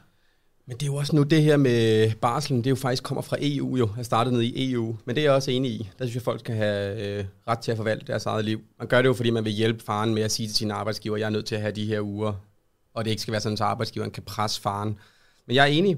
Øh, jeg, jeg så gerne, at der var flere i den socialdemokratiske regering. At det ikke bare var sådan en mindretalsregering. Det tror jeg ville styrke den. Jeg tror, det ville give nogle bedre ministre. Man kan ikke øh, afvise det faktum, at Danmark er en af de lande, der har klaret sig absolut bedst igennem coronakrisen. Jeg ved også godt, at vi ligger højt tempereret klimazone. Det er køligere heroppe, så det er Det er så også Men- lidt svært at sige, hvad, hvad er kausaliteten? Altså, er det fordi, vi er færrest- en stor færrest- velfærdsstat? færrest og kortest nedlukninger. Øh, sidste år var vi det land i EU, der har det største overskud på de offentlige finanser. Det så det største procentvis. Vi har klaret os godt igennem corona. Der er lande, hvor der, der er lande, de der andre er har klaret lande. sig Har I været på ferie for nylig? Der er lande, hvor man stadig render rundt med øh, masker på. Og, Ja, det har jeg, men det er jo ikke, en, at man render rundt med masker i andre lande, er jo ikke nødvendigvis et Nej, det er udtryk for, at Siger bare, går på en gjort det. bestemt måde. Det handler mere om et, en, bare en politisk beslutning, der handler om at sige, okay, nu er, gør vi det, jeg bare mener, det er- bare klaret sig rigtig dårligt. Det er jo ikke nødvendigvis, fordi vi så har klaret os godt. Vi har bare klaret os mindre dårligt end mange af de andre. altså man kan jo være politisk uenig med Mette Frederiksen. Det kan man. Og det øh, har jeg respekt for, at man har. For der er virkelig, virkelig mange gode grunde til at være det. At man kan ikke sige, at hun er dårlig til at administrere. Det er hun ikke. Hun Hvordan definerer du meget administrere? Dårligt til at administrere. Hvad mener du så, at hun ikke er dårlig til at administrere? sørger for, at vores land får en styrket international position. Vi har et godt brand. Øh, vi tjener penge. Øh, altså hende og hendes forgænger, Helle thorning Schmidt, har jo, fordi at de jo har fagbevægelsen i ryggen, haft mulighed for at lave mange af de øh, reformer, som de borgerlige jo har drømt om. Mm. Fordi at de ikke har den samme. Altså man kan sige, på højre siden, der er industrilobbyen, som kæmper imod øh, miljø og klima også, altså landbrug, fødevare osv. Men på venstre side, der er jo fagforeningerne, som lidt, lidt nogle gange gør det samme, ikke? når vi øh, har brug for nogle nødvendige, for nogen, der vil argumentere for det, nogle nødvendige reformer i Danmark, øh, så har vi jo fagbevægelsen, som presser den anden vej. Og der har Socialdemokratiet jo haft den kæmpe store fordel, at de ikke har haft det samme modpres. Ja, præcis, fordi at de ikke er blevet anset som de onde, så yes. de kunne gennemføre dagpenge, dagpengereformer. Og, det er deres venner jo, de er jo venner. Der er ja. jo tæt link imellem Socialdemokratiet Masser af penge og, og masser af folk, der går fra den ene til den anden. Ja. Hvordan, hvordan vil I kunne, øh, altså, nu sidder du og snakker sådan rimelig, altså, ikke, du taler relativt positivt i forhold til Socialdemokratiet og nogle af de partier, hvor mm. du lidt kommer fra noget, noget borgerligt førhen. Altså, hvordan vil du se samarbejdsvilligheden i blandt de partier?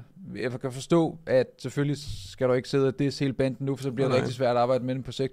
Men hvordan er det allerede nu? I er lidt, og når jeg siger I, så det er jo faktisk lidt dig. Du er en fræk dreng i klassen, og du stikker en lille smule længere øh, i den grønne, mere aktivistiske. Der er flere ting, der ligesom peger lidt væk fra det parlamentariske og det folketings, klassiske folketing.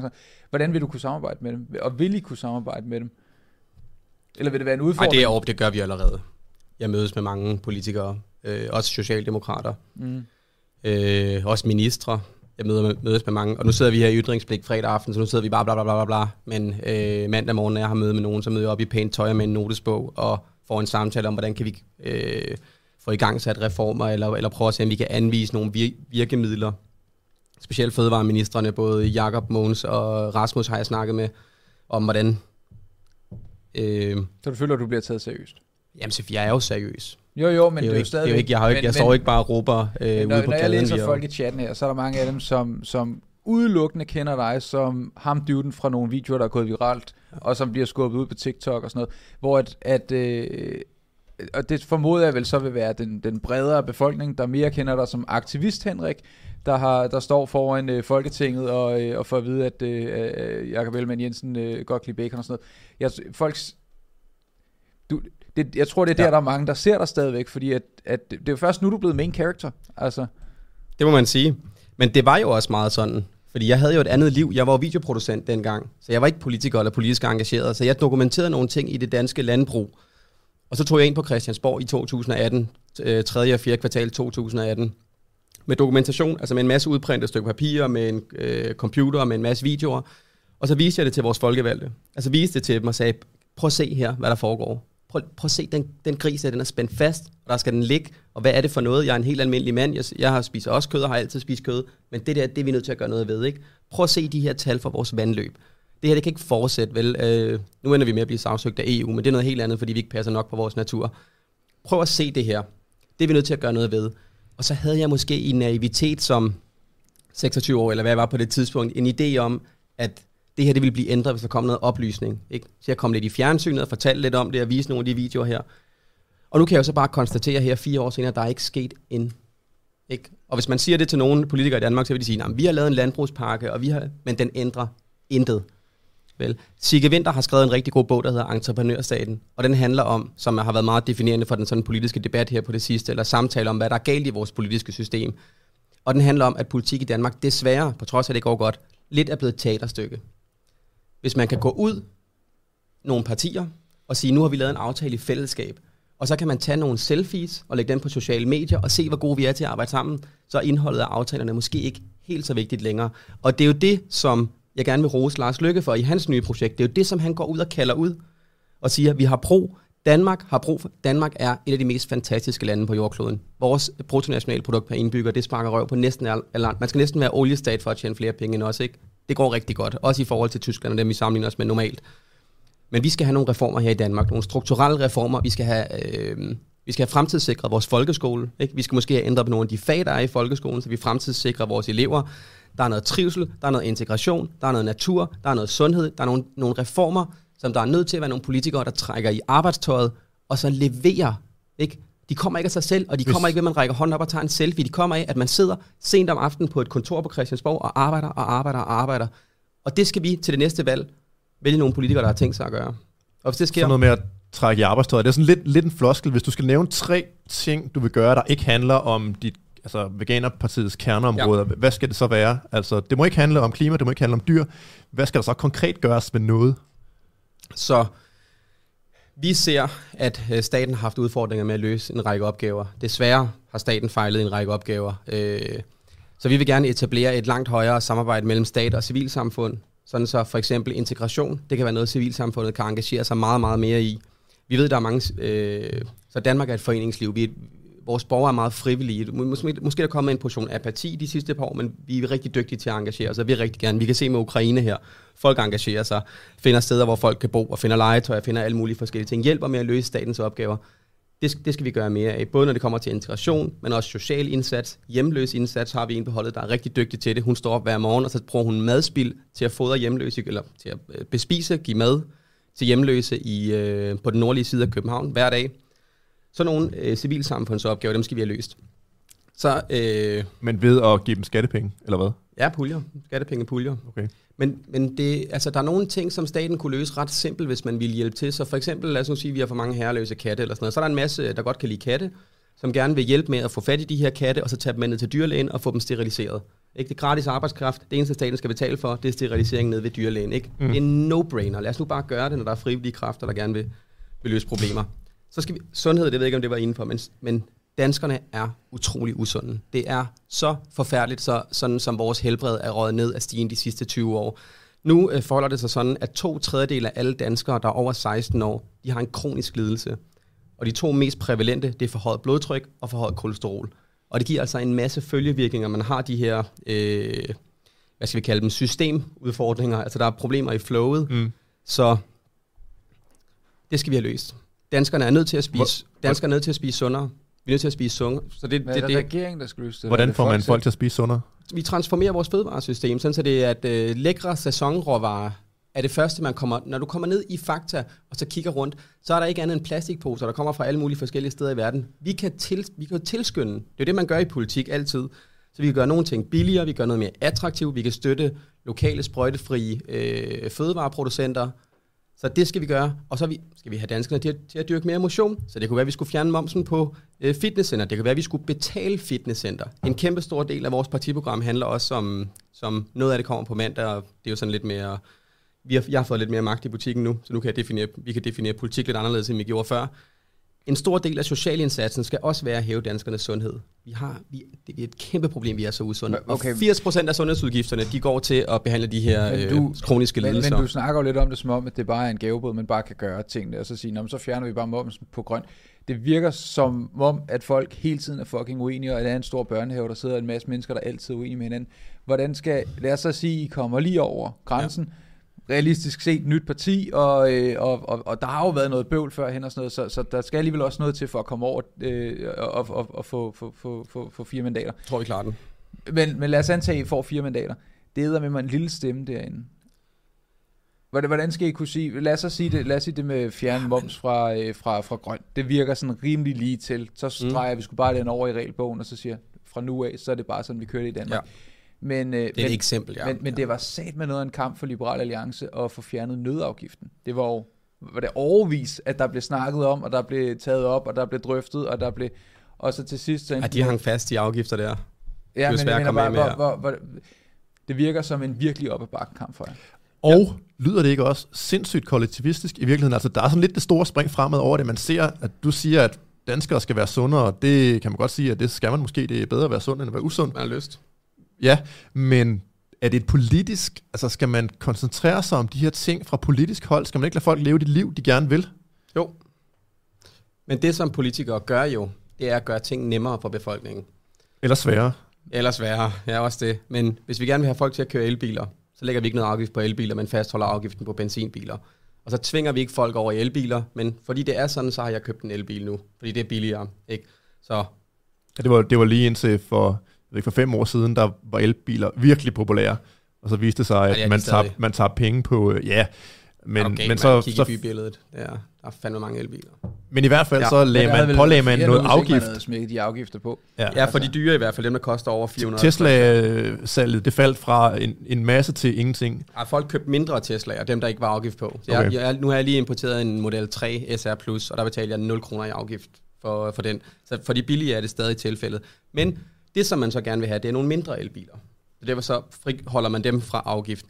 Hvis man nu gerne vil øh, hjælpe danskerne til at spise sundere, så er det jo noget med at tilskynde øh, produktion og salg af mad, der er sundere. Og det er jo sådan, som man, det er jo det, Christiansborg handler om. Christiansborg er jo egentlig en kæmpe stor væg af en masse små kontakter, som folk går og drejer på, for at gøre det nemmere at producere. Og det, jeg siger nu, det er det, vi gør i øjeblikket, det er, at vi subsidierer helt sindssygt en griseproduktion, sådan så vi kan sælge fersk risekød til kineserne. Det kan vi så ikke mere, men nu skal vi finde nogle nye, der gerne vil købe det. Og så laver vi erhvervsdelegationer rundt omkring i verden for at sælge det og subsidiere det. Og det, jeg siger, det er, den kontakt vil jeg gerne dreje ned for, og så vil jeg gerne dreje op for kontakten, som giver danskerne øh, sprøjtefri sunde fødevarer. Fordi det, det tror jeg er bedre for, for danskerne og for, for vores land. Ja, jeg er, sådan, øh, jeg er jo enig i nogle af de ting, du siger, men metoderne dertil og måden, det bliver formuleret på, det virker sådan, det begynder at dufte lidt af kommunisme. Ja, det er faktisk øh, sjovt, du siger det. Det er også fredag øh, aften, og vi, øh, men det er sjovt, du siger det med kommunisme. Fordi jeg synes jo, at øh, det danske land er blevet fordelt på en helt tosset måde. Nu dykker, nu dykker vi ned, ned. Så vi fik grundlov i 1849. Og på det tidspunkt, der var der lige omkring øh, en million mennesker i Danmark. Inden det her tidspunkt, inden 1849, så inden du og jeg og vi alle sammen blev født, der var vores land allerede blevet fordelt. Og det var blevet fordelt kommunistisk. Fordi det var kongen, så det var en, en, en der ejede en totalitær, en stat, der ejede, eller en, en, en person, en familie, der ejede hele vores land, og som så øh, delte ud af jorden. Så gav jorden til adler, til godsejere, til landskræver. Og lige i slutningen af øh, den periode, der hvor vi begynder at få grundlov, der bliver givet rigtig meget jord. Fordi kongen skal ligesom have nogle... Nu øh, skal vi til at transitionere over til demokrati. Vi skal have en grundlov, og kongen skal have nogle familier, nogle venner, eller jeg ved ikke. Men man fordeler i hvert fald jorden inden, fordi man ved godt, det kan man ikke gøre efter 49, vel? Så. Og den familie, der får mest jord, det er den familie, der hedder Molke-familien, som ligger lige et stykke syd for København. De får 10.000 hektar, dem ejer de stadig den dag i dag. Ikke? Og det, det er i slutningen af 1700-tallet, de får det her. Og den første statsminister i Danmark bliver den her familie. Så det, det jeg, jeg vil gerne have liberaliseret vores jord. I USA, der går man rigtig meget op i noget, der hedder right to roam free, altså man kan bevæge sig frit i sit land. Det kan vi ikke i Danmark. Så, så altså jeg vil jo gerne fjerne subsidier, gøre det nemmere for borgerne, have politik, der tilskynder borgerne og borgernes ved og vel, og øh, Fødevareministeriet skal fokusere på at gøre det bedre for borgerne, i stedet for at fokusere på at gøre det bedre for en eller anden industri, man har udvalgt. Jeg men, men hører jeg dig siger, en eller anden øh, jordreform, hvordan, hvordan skulle Danmark fordeles, hvis det sådan stod til dig? Skulle man så rive det hele stykker og sige, øh, det var en fejl, det der blev begået dengang for nogle hundrede år siden? Til, til ja. folk, der ikke ejer jord. En fjerdedel skal omlægges til natur i hvert fald, som skal være værmandseje. Sådan noget. Det er den retning, vi skal i. Og det er svært at gøre, men det er det, jeg siger, det er vores pejlemærke. Det er den retning, vi gerne vil i. Og vi vil gerne starte snakken om det. Altså det kan ikke være rigtigt med det bruttonationalprodukt, vi har, og så meget som vi går på arbejde, og så meget som vi knokler for at smide penge i den skattekasse her i Danmark, at, at vi skal have mindst natur af alle. Og, øh, og hvis du vil ud af dit hus, så lyser reflekser på, ikke? for du skal ud på park og vej, for du kan ikke bare gå ud af baghaven og så gå ud i et stisystem ud i natur, fordi der er bare fodermarker, som er ejet af det lokale gods vi er nødt til at, og, og, og, det, og det er det, jeg tror, Lars Løkke han lidt har fat i, i hvert fald, i forhold til det her med, at vi skal have nogle store strukturelle reformer i vores land, hvor vi godt tør at gentænke ting. Og så synes jeg bare øh, grundlæggende, det er forkert, at der er familier, der har siddet på jord, som de ikke har købt, og ikke men som de har fået, af en, en, fordi de har været en del af... Det er jo ikke deres skyld. Nej, det er jo heller ikke kongefamiliens skyld, at de ejer Amalienborg, men der er jo også nogen, der siger, at at det er måske lidt uretfærdigt, at vi går og betaler for at vedligeholde det og sådan noget. Så hvad siger du, hvad, hvad er løsningsforslaget? Så hvordan ser du, at det skulle være anderledes? Så til at starte med, der kan man igennem sådan noget fleksibilitet i EU øh, kræve, at jordejere de skal omlægge noget af deres areal til natur. Så det kunne være en start. Så ejer de stadig jorden, men man kunne gøre det til natur. Så kunne man kigge på sådan noget som den randzone-lovgivning, kunne man tage op af skuffen, som vi havde fat i for nogle år siden, som var, at, at rundt omkring alle vandløb i Danmark, der skulle man have noget, hvor man ikke dyrkede, og det skulle borgerne have ret til at færdes på. Så sådan nogle initiativer kunne man begynde med. Og så længere ned ad vejen på et eller andet tidspunkt, der skal vi have en samtale om, at nu er vi altså over 5 millioner mennesker i Danmark, der skal deles om de her 4 millioner hektar. Og det kan ikke være rigtigt, at der er nogen, som har, jeg ved ikke, hvordan man bliver gode venner med kongefamilien, om det er beslægt, eller hvordan man, man har fået det for hundredvis af år siden. Og oven i det, fordi der er en hektarstøtte, så skal alle vi skatteborgere, vi skal gå og betale. De her brænved, de får over 6 millioner om året af den, den eller det så er EU, men af de danske skatteborgers penge for at dyrke den jord her. Men, men hvor, hvor øh, skal det så købes tilbage? Skal, hvis køber, er det staten, der skal købe det tilbage? Af, af, af, jeg, har jo, jeg har jo gået med detektor, og, øh, ja. Og når jeg har været inde og kigge på, hvem der ejer de steder, så er det fandme de samme, du ved, 20 ja. navne, der popper altid, øh, op L- altid, og det er kæmpe, kæmpe... Øh, øh, folk, som du ved, nede på Falster for eksempel, eller på i Sydsjælland og sådan og, og det har da irriteret mig lidt, men jeg vil synes, det var øh, et sindssygt indgreb, hvis man går ind og så stjæler folks jord, fordi at de fik det tildelt for 170 år siden. Men hvordan, hvordan vil man så, vil man gå ind og så sige, nu vil vi gerne købe jorden tilbage af jer, og, øh, og, og her hvad vi kan tilbyde jer, øh, øh, eller vil man bare øh, tage det? Meget af det vil man købe, ja, i forbindelse med de her generationsskifter. Fordi der har man allerede et finansieringsproblem. Fordi, som vi snakkede om før, det kommer på selskabsform, alt det her det er meget svært at overtage. Øhm, men jeg kunne også godt tænke mig på et tidspunkt, nu snakker altså på et eller andet tidspunkt, når stødet har lagt sig lidt i dansk politik og i dansk miljøpolitik og klimapolitik, og det ikke hele handler om Lynette Holm meget, meget fældet, men det rent faktisk handler om der, hvor der virkelig skal rykkes noget, hvor det, hvor det virkelig er sindssygt, sindssygt vigtigt for, at vi ikke mister alle sangfugle og de her biodiversitetsproblemer. Der vil jeg gerne have, at vi får en snak om det. Og så må vi jo høre de politiske partier, vi må høre meningsdannerne. Hvad er egentlig befolkningens holdning til, at, at det er familier beslægtet med kongehuset, der har fået det danske land. Altså, øh, vi er... Vi, vi har kun 4 millioner hektar, ikke? Og vi skal være her alle sammen, og vi skal alle sammen have mulighed for at, at bo et sted, hvor man kan have lidt jord, hvor man måske kan dyrke lidt mad selv, hvis man vil det og sådan noget. Og er, er, er det egentlig okay for os, at vores land er blevet fordelt for 200 år siden? Lad, lad os lege en leg, der hedder, at øh, man fjerner landbrugsstøtte, ja. øh, så meget man nu kan, og så er der selvfølgelig alt muligt fra EU, der kommer stadigvæk. Ja. Man skruer op for alle de lovgivninger, der er, og, og, og siger, at det er simpelthen, der skal være de her regler, bum, bum, bum, bum, bum. Hvor vil der ikke bare være en naturlig skift, der gør, at så bliver det driftskov? At så meget af det landbrug er, fordi det, så viser sig måske, har vi ikke brug for, at alting skal stå på øh, kartofler, eller hvad fanden det er, vi så skal lave det ud. Men at så vil der bare komme meget mere driftskov, og så vil det automatisk blive lavet om til skov, og så behøver man ikke at gå ind og, og, og, og røve folk fra deres øh, jord, men i stedet så måske bare lade dem lade det vokse op. Fordi vi har allerede ret mange regler i skoven med, at øh, hvis skoven er tilpas stor, så skal du kunne gå ind ja. fra solopgang til solnedgang. Sådan et eller andet den stil. Og øh, så, så, så det er jo ikke, fordi vi har almandsret i Danmark på samme måde, som vi har i masser andre lande. Øh, men, men du må gerne befærde dig i skovene. Ja. Og rigtig mange af skovene, for eksempel dernede, hvor vi kommer fra, der hvis du tager Hamburgskoven, ja. der er de jo også, øh, jeg kan ikke huske, øh, hvad er det godset hedder dernede, det, hedder, det er lige meget, hvad det hedder. Men, men, øh, er det Orupgård, eller hvad tænker du på? Jeg kan ikke huske. Dem, oh. der har skoven nede i Sundby i hvert fald, de, øh, de har jo også øh, sagt god for, at man kunne anlægge tre eller sådan noget forskellige mountainbike spor. Ja. Øh, der er der er bålplads øh, ude ved grusgraven og sådan Der er masser af mulighed for, at man kan udnytte skoven, og det må man i bund og grund også gerne. Mm. Øhm, og så er mit indtryk, at de fleste øh, steder er sådan, at man gerne må øh, bruge det. Så jeg synes bare, det virker så ekstremt at skulle stjæle det væk. Men, men mit spørgsmål er så, nej, nej, nu kommer vi lidt væk fra det. Nej, det. Er det ikke bare det, der vil ske? At så laver man om til driftskov, og så kan man bruge det øh, sådan rimelig meget, som man har lyst til, selvom at man ikke, selvom at det ikke er staten, der har taget det. Så skov til produktion er øh, langt bedre end en, en fodermark. Mm. Fordi en fodermark, der er du nødt til at sprøjte den med pesticider, og du er nødt til at have den under plov. Så den fjerner ligesom al biodiversitet. Så det ville være bedre. Og en anden ting, du starter med at snakke om, det er, hvis vi fjerner landbrugsstøtten. Og en ting, der ville være rigtig godt, hvis man, det ved jeg ikke, om det ikke lader sig gøre, men, men hvis man nu sagde, at det her søjle 1, grundstøtten i, i landbruget, det blev frataget, det var, at jordpriserne ville falde helt vildt. Mm. Så jorden ville igen blive mere tilgængelig for os at købe, så var vi mulighed for at købe den tilbage.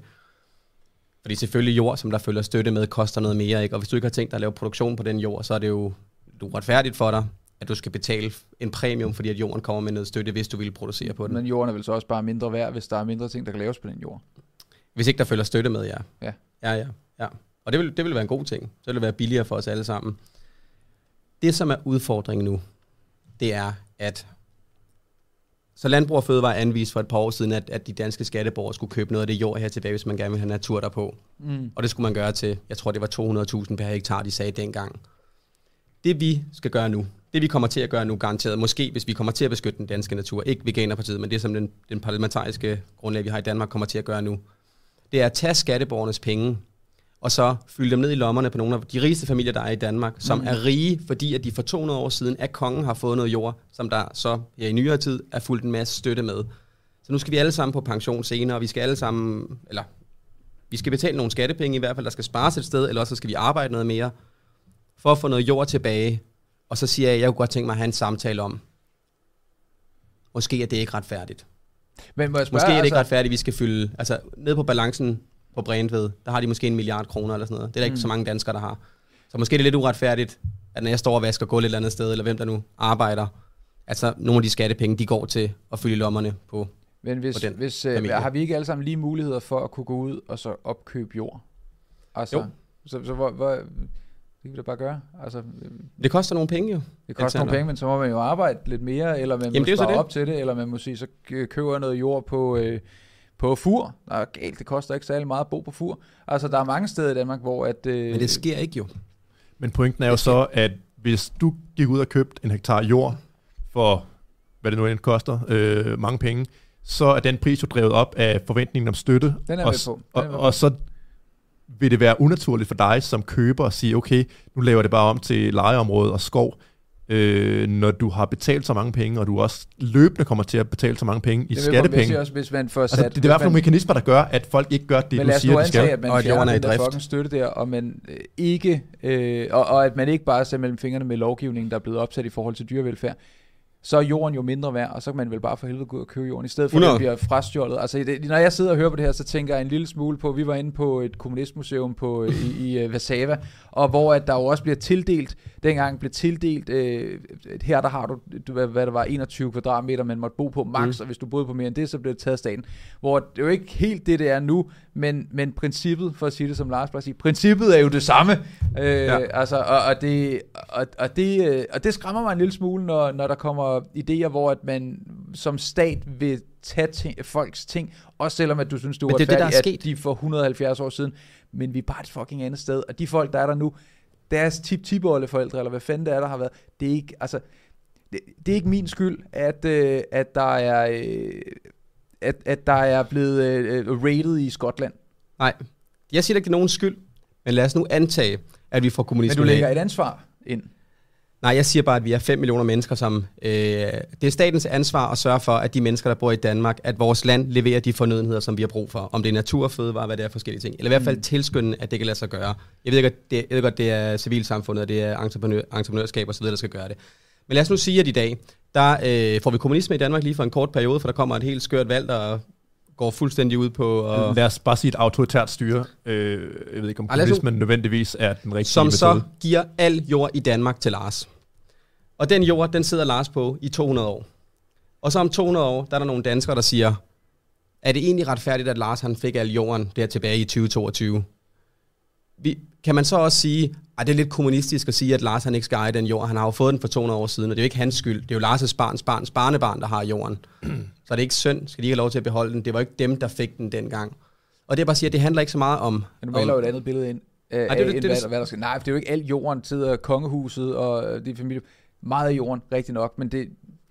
Ja, jeg, jeg, jeg, jeg, jeg Men det er også, nu ender vi også med at, at snakke os helt ned af en, øh, Men, men jeg en synes også, gren det her. er, det er super ærgerligt, at noget, der til synligheden godt kan løses med mere frihed, øh, vil, nogen vil løse det med mindre frihed. Altså det lyder jo på mig som om, at grunden til, at det her det fortsætter, det er, at skatteyderne de er spændt for en vogn, som de ikke nødvendigvis har lyst til at være spændt for, og det er derfor, det fortsætter.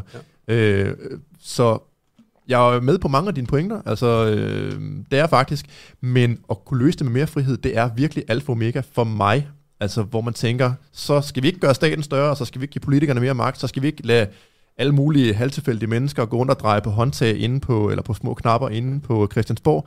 Øh, men jeg ved jo nok også godt, at politikere, de har det med ikke at vil løse problemer med mere frihed, hvis de kan bruge mere stat i stedet for. Altså, de tager jo magt fra dem selv, så det tror jeg også er en del af udfordringen at sige, vi vil hellere have, at øh, vi giver ældre checks, og vi giver varmechecks, og vi gør alt muligt, end vi ja. sænker afgifterne, ja. selvom det vil øh, være bedre i virkeligheden. Men vi vil gerne have pengene ind over Christiansborg. Vi vil gerne bevare den magt, vi har. Og det er sindssygt ærgerligt, synes jeg, fordi som liberal, som ja, anarkokapitalist, øh, whatever jeg nu er, voluntarist, øh, der kunne vi jo godt komme nogenlunde det samme sted hen, som du gerne vil, bare ved mindre stat. Ja, ja, til dels, ja. Altså, vi kunne fjerne landbrugsstøtten. Så, Ja. altså, og det er jo også det, nu, nu, øh, jeg er enig, og det er jo også det, nu, nu taler vi om, øh, hvad skal man gøre i den her jordfordeling, og hvad skal man øh, gøre i de her måske vi også måske skal kalde det for en postkonventionel samtale, fordi det er jo forudsat, at vi får lukket landbruget, og vi får øh, stoppet støtten. Men det, som jeg tror er vigtigt for Veganerpartiet og vores projekt, udover at vi godt kan have en snak, der sådan går længere ned ad vejen, det er hele præmissen for den samtale, vi har, det er, at vi får ændret de her ting, og så har vi så en samtale om, hvad gør vi så bagefter. Og det, jeg siger, det er, øh, præmissen bliver ikke opfyldt i Danmark. Så samtalen efterfølgende er måske, vi, altså jeg vil gerne have den for, for øh, sjov skyld, eller for, det er jo interessant at have Hvad samtalen. for en præmis? Præmissen om, at vi rent faktisk får fjernet øh, landbrugsstøtten, Okay. og vi får afviklet det konventionelle landbrug. Det er jo ikke den vej, vi går i. Altså i de sidste 20 år, vi er jo gået den modsatte vej, ikke? Mere konventionel produktion. Så det, jeg siger, det er, Veganerpartiet, vi er her for at levere præmissen til den samtale, vi så har bagefter. Mm. Altså, at vi lukker den konventionelle produktion. Og så bagefter, øh, altså jeg vil da ikke dø på den bakke, at vi skal tage jorden fra alle mennesker. Øh, det er jo så heller ikke alle mennesker, men at vi skal fordele jorden på en anden måde. Det er her for, det er for at levere den reform, som gør, at vi overhovedet kan have en samtale om den danske natur. For lige nu, der er vi alle sammen spændt for en vogn, som er, der skal producere svin og foder fra øst til vest. Og jeg siger, den vogn, den skal vi have spændt af os. Og hvad der så sker bagefter, ja, det kan vi godt have en snak om. Men, men det her infrastrukturprojekt, hvis nu vi alle sammen, Lars, Alexander, jeg, alle seerne, alle danskerne, bliver enige om, at vi ikke skal producere gris i Danmark, det infrastrukturprojekt, og få afviklet den produktion, det kommer til at tage frem til 2030 i hvert fald. Det kommer til at tage rigtig, rigtig lang tid, så det skal vi have gang i nu. Og det er det, vi er for. Og noget, som vi også er for, det er alle vores seere, som har sendt rigtig mange superchats stadigvæk. Blandt andet uh, Video Game Gun for Hire, der sender 50 kroner, skriver, hvis I var regeringen, måtte jeg så privat holde dyr med det Ja. formål, at de skal spise sig selv. Yes. Henrik Hartvig øh, sender 100 kroner, tak for de 100 kroner. Harti, skri- øh, tak for de 100 kroner. Jeppe B. skriver, god fredag, dreng, tak for de 100 kroner, Jeppe. Morten A.T. skriver, vrøvl, kloster 5 var en storm i et glas vand, og sender 17 kroner. Ja, det er jeg måske enig i, ja. Video Game Gun for her øh, skriver, at, øh, han, at, øh, at du undskylder statens magt, magtmisbrug, og at næste t-shirt øh, skal der stå på, øh, det var et lille lovbrud. Det, det, vi, vi, Jeg vi, siger vi, Vi bare- har masser af idéer til t-shirt. Jeg siger bare, ja, det var, og det var måske også grundlovsstridigt, og det, kan også, eller det var måske et lovbrud, og det kan også være, at de var bevidste om det. Jeg siger bare, at øh, det eneste, der, der skulle have været gjort anderledes, det var, at den hjemmel skulle have været tilvejebragt et par dage inden, og det var den blevet. Så det er ikke fordi, jeg forsvarer det. Jeg siger bare, at det er ikke, altså det er ikke Nixon historisk alt muligt. Altså det er, det, det er måske en fejl, en dum, åndssvag fejl. Og så har vi Henrik Hardy, der sender 100 kroner mere og skriver, mit udgangspunkt er menneskets sundhed. Coop lager har veganerprodukter, som er fyldt med kunstige tilsætningsstoffer, hvor kødalternativet øh, var bedre. Hvad er Veganerpartiets holdning til det? at ikke alle veganske produkter er sunde. Altså, ja. hvis vi skal have sænket de her to mest prævalente kroniske lidelser, som er forhøjet kolesterol og forhøjet blodtryk, så skal vi spise mindre processeret animalsk. Det, det er det, som vil virke bedst, hvis vi skal give sådan et godt råd til befolkningen. Altså, den bar, vi lige har siddet chokoladebar, den er da også vegansk, og det er ikke sikkert, at den er mega sund. Mm. Øhm, Og Vi- giv, giv nogle eksempler på, hvad processeret animalsk er. Er det alt kød og alt hakkekød? bacon, og, pølser, Okay. øh, koteletter, øh, næsten alt pålæg, leverpostej, altså alt det her forskellige, som ikke er ligesom en helt fødevare. Ja. Og, og kød i sig selv er, er ikke det sundeste i verden, men hvis man nu, hvis, hvis, lad os nu antage, at vi alle sammen vi spiste grass-fed kød, som kom ud fra naturreservater, hvor vi skød dyrene og spiste dem, altså det var hunt eller game, alt det vi spiste, så vil den danske sundhedssituation være anderledes. Problemet er, at det kød, vi spiser, det er det, der kommer ind fra de der industristalle. Hvad er forskellen på det kød? Vil forskellen være på det, man skyder, der har spist græs, og det, man spiser, der har spist At- alt muligt andet? at det foder, som dyret inde i stallen har fået, det er udelukkende designet til at få dyret til at vokse hurtigst muligt. Mm. Øh, så dyret vil bare have en bedre kost ude i det fri. Så vi skal spise mindre kød, men du kan da helt sikkert finde veganske produkter, som heller ikke er det sundeste i verden. Jeg synes, vi har fået sådan rimelig godt indtryk af, hvilken retning at øh, I går rent politisk, og jeg ved også, at jeg har den her på jeres hjemmeside med øh, øh, landbrugsudspil, et bæredygtigt landbrug til gavn for klima, natur, dyr og mennesker. Det kan man jo læse og, øh, og mm. Få, få mere øh, at vide om det. Jeg kan også forstå på dig, og, og det håber jeg siger det sådan her, at, at det ikke er de små ting, der betyder så meget for, at det er mere, som for eksempel, øh, at der bliver bygget noget i øh, Nordhavn, eller der bliver bygget noget på Amagerfællet, der har I meninger, men det, der er det vigtige, det er, at man får omlagt landbruget, sådan at det er de store ting, der kommer til at tælle. Øhm, jeg synes, vi skal høre en lille smule mere om Veganerpartiet, fordi at det er jo, øh, jeg har været igennem en hel proces i forhold til at komme til, hvor jeg er nu, og det virker som om, når jeg læser om det, og jeg ser det, så virker det som om, I ved at have fundet fodfæste, men at det har været en lille smule tumult indtil det. Øhm, Veganerpartiet blev stiftet af dig, Michael, sidst vi var, fik vi også snakket med Michael. Ja. Og nu kan jeg forstå, at han er blevet ordfører i øh, Alternativet for dyrerettigheder. Yes. Øhm, hvad fanden skete der? Du, er en- du er en krænker. Ja. Og Hvad, altså, hvad, øh, jeg, jeg, jeg har et citat fra, øh, fra Ekstrabladet her, hvor at øh, Michael han bliver spurgt, øh, hvor han bliver spurgt, man kan vel ikke kalde det en krænkelse at bede en medarbejder om at holde kæft en enkelt gang, hvor han svarer nej, men det kan man, når det er en del af en længerevarende hets, der får folk til at gå ned med stress og forlade partiet. Har du haft en øh, hets kørende mod øh, medarbejdere og medlemmer, og øh, er folk gået ned af stress på grund af dig? nej. Hvad er der Og- sket i den? Kom med din side af sagen. Så hvis der er et, jeg er meget stolt af, at jeg på trods af de rinker, Michael har smidt rundt i medierne, at jeg ikke selv har kommenteret på det, ikke? Ja. Og det er ligesom også det, som min næreste og min rådgiver, min familie har sagt, det Henrik, du skal holde, holde dig nu for god til det der. Nu er jeg med at begynde at blive...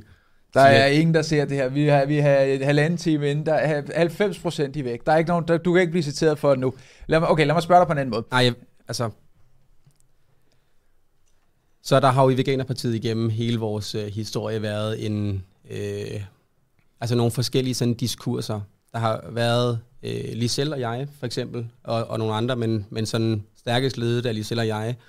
Der har været s- Lisel, som er vores, øh, hun er tidligere forperson, og det er hende, der også har lavet meget af vores politik og sådan noget. Der har været sådan meget reformpolitisk, og sådan helt konkret, hvad skal der ændres for, at vi kan komme væk fra det her landbrug, og hvad det bliver det, det, det, det. Og så har der været sådan en mere, øh, hvad må du som enkelt borger gøre, og øh, hvis du gør det, hvad kan det så sammenlignes med, det du gør, og Altså alt det, der skræmmer almindelige mennesker væk i virkeligheden. det sagde du, Lars, men, men det har jo også været min holdning. Altså, jeg har, at de fleste spiser kød, og øh, lad os lige prøve at tale ordentligt til dem også, ikke? Og, og, og, og måske også nogen, som har isoleret sig lidt fra øh, folk, der ikke lever vegansk, og derfor måske ikke har haft de samme konsekvenser ved at tale øh, lidt mere nedsættende om, om folk, der ikke lever vegansk, end jeg for eksempel ville have, som jeg snakker konstant, altså hver eneste dag er i selskab, om det er i foreninger eller sportsklubber eller familie, mm. eller hvad det er, med folk, der ikke lever vegansk. Så der har vi som udgangspunkt haft nogle, nogle forskelle. Ja. Og Er det det, du siger, at der har været sådan en puristisk fløj i partiet, og der har været den pragmatiske fløj? jeg ved ikke, om man kalder den populistisk, fordi Nej, det, ikke, ikke populistisk, øh, puristisk, altså Yes, sådan, øh, yes. alt skal være Puritaner, rent. ja. Øh, ja. Ja, ja, det kunne du godt kalde den. Jeg ved ikke, om der ville være et øh, tillægsord, der ville være bedre til det, men, men det kan du godt kalde det. Og så en mere pragmatisk, men og det har så, det har så, øh, så en af de største uenigheder, vi har haft i Veganerpartiet, den havde vi i øh, 2021, det handlede om, skal kød være ulovligt? Okay. Altså skal det simpelthen være ulovligt? Er det det, vi spiller ud med, ikke? Men så går det vel også ud og skræmmer flere folk væk, end det, eller hvad? Altså, Det har jeg jo fra starten sagt, nej, nej, det skal der ikke. Mm, Det er et frit liv, en fri, frit land. mm, Øh, vi kan regulere, og vi kan, hvordan skal man producere dyr, og vi kan tilskynde til en produktion, men vi kan ikke bare gå ud og gøre det ulovligt. Og grunden til, at jeg trak mig i, øh, det er i juni 21, det var fordi, at, øh, at det skulle jeg så sige. Altså, der var jeg simpelthen kommet i mindretal i vores bestyrelse, og det, det, det skulle jeg sige. mm. Og DR og alle mulige var inviteret til den her begivenhed, og jeg havde lige givet et interview til DR inden, hvor jeg, hvor, øh, hvor jeg sådan havde prøvet at pakke det ind, og sådan prøvet at tilfredsstille den her, Du skulle Hvis- gå i byen med holdninger, der var relativt langt fra dine egne. yes, Okay. Ja og det vi, vi ender så med at blive enige, og jeg, og jeg selvfølgelig så ender jeg med ikke at trives i den rolle her, så derfor så trækker jeg mig. Og Michael kommer tilbage og bliver valgt og så videre, og så kommer jeg så tilbage i øh, efter kommunalvalget og siger, øh, jeg tror godt, partiet kunne bruge noget øh, hjælp til at løfte den opgave, det er at skulle komme i Folketinget. Og jeg var også øh, følelsesmæssigt påvirket af, at jeg var nervøs for, at det ikke ville ske. Fordi så ville jeg være nervøs for, at vi ikke fik løst de her dyrevelfærdsproblemer, og miljøproblemer og klimaproblemer. Og, og så, øh, så får Michael skulle lavet en politisk all-in, eller hvad man skal kalde det. Altså han får sagt og gjort nogle ting, som, ja, som gør, at nu, nu, var- nu var han ligesom all-in. Mm. Mm. Og, og så siger han så nogle ting i medierne, og så er der nogle medlemmer, der samler nogle underskrifter sammen og siger, Michael, nu skal du komme ind på et landsmøde, og så skal du redegøre for det, du har sagt. Det kunne han ikke, og derfor blev han smidt ud. Mm. Altså når du siger all in, han gik all in, hvad betyder det så? sagde nogle ting, man ikke kan trække tilbage igen. Altså, øh, så politisk... Øh, lad, os, lad os nu sige, at vi er uenige i et parti. Og, øh, Og jeg gør noget, som gør, at hvis ikke jeg vinder, så er det slut for mig. Jeg kunne også vælge en øh, kompromisfejl, eller noget, vi kunne finde ud af det i fællesskab. Mm. Men, jeg, men jeg kan også gøre noget, som gør, at måske kommer jeg ud på toppen, men måske taber jeg. Så det bliver ligesom, det bliver binært, min, altså udfaldet af, Ja, den, ja. af den strategi, jeg har. Og, og det får han sådan relativt tidligt i den proces her, kastet sig ind i en, en, en, øh, en retning, hvor at udfaldet er binært. Enten så vinder han, eller så taber han. Der er ikke noget i midten. Og det- han, han er på puristfløjen. Ja, ja. Ja. ja. ja men det er jo, det er jo hans... Det, men det, hvis man har fuldt veganer, ved man det også godt Ja. jo. Øh, Da, da I var her sidst, var I, øh, du ved, da I, I var hernede, der fremstod I jo som om, I var kammerater og hang ud. Vi var Og, bedst. vi har været bedste venner, mand. har I det? Ja, det har vi. Ja, ja Okay. vi var sammen hver dag i, øh, i to år eller sådan noget. Okay, så, så det har ikke været, det hele har ikke været sådan et show, bare for at øh, få det Ej. til at frem. Men, Ej, vi har hygget os sindssygt meget, mand. Hvornår knækker den? Hvornår knækker, fordi at det virker som om, at han... Når jeg læser de ting, han har skrevet, altså, ja. det der, det var en meget lille ting, Evan, ja. Men jeg synes, han har været ude at sige en masse ting, hvor at jeg får følelsen af, at han, han ikke så godt kan lide dig. Hvornår knækker filmen mellem jer to? Så jeg, så jeg er ikke super interesseret i at diskutere det, men det nu er det også fredag aften, og vi gør det. Men øh, tidligere, end jeg bliver bekendt med det, sådan som jeg forstår det. Fordi øh, det, som han øh, ultimativt ender med at holde fast i, at det er det, som han er sur på mig over, det er noget, der er sket i september 2020, okay. som, som handler om en uenighed omkring, hvordan vi skal gå til pressemøde, hvor øh, skal jeg ikke trække alle mulige andre med, men lige selv og jeg, vi er uenige med ham, og, og der mener han så, at vi er rigtig tagelige over for ham. Øh, og så, så ved jeg simpelthen ikke, og jeg er rigtig forvirret også faktisk, øh, Lars Alexander, fordi så i rigtig lang tid, der er vi venner, eller hvad man skal sige. Altså, jeg øh, ripper ham, når han er i fjernsynet, og jeg laver harddisk til ham, og laver ting til ham, hjælper ham så godt, som jeg nu kan, og hører ikke noget om det her. vel? Det er ligesom den...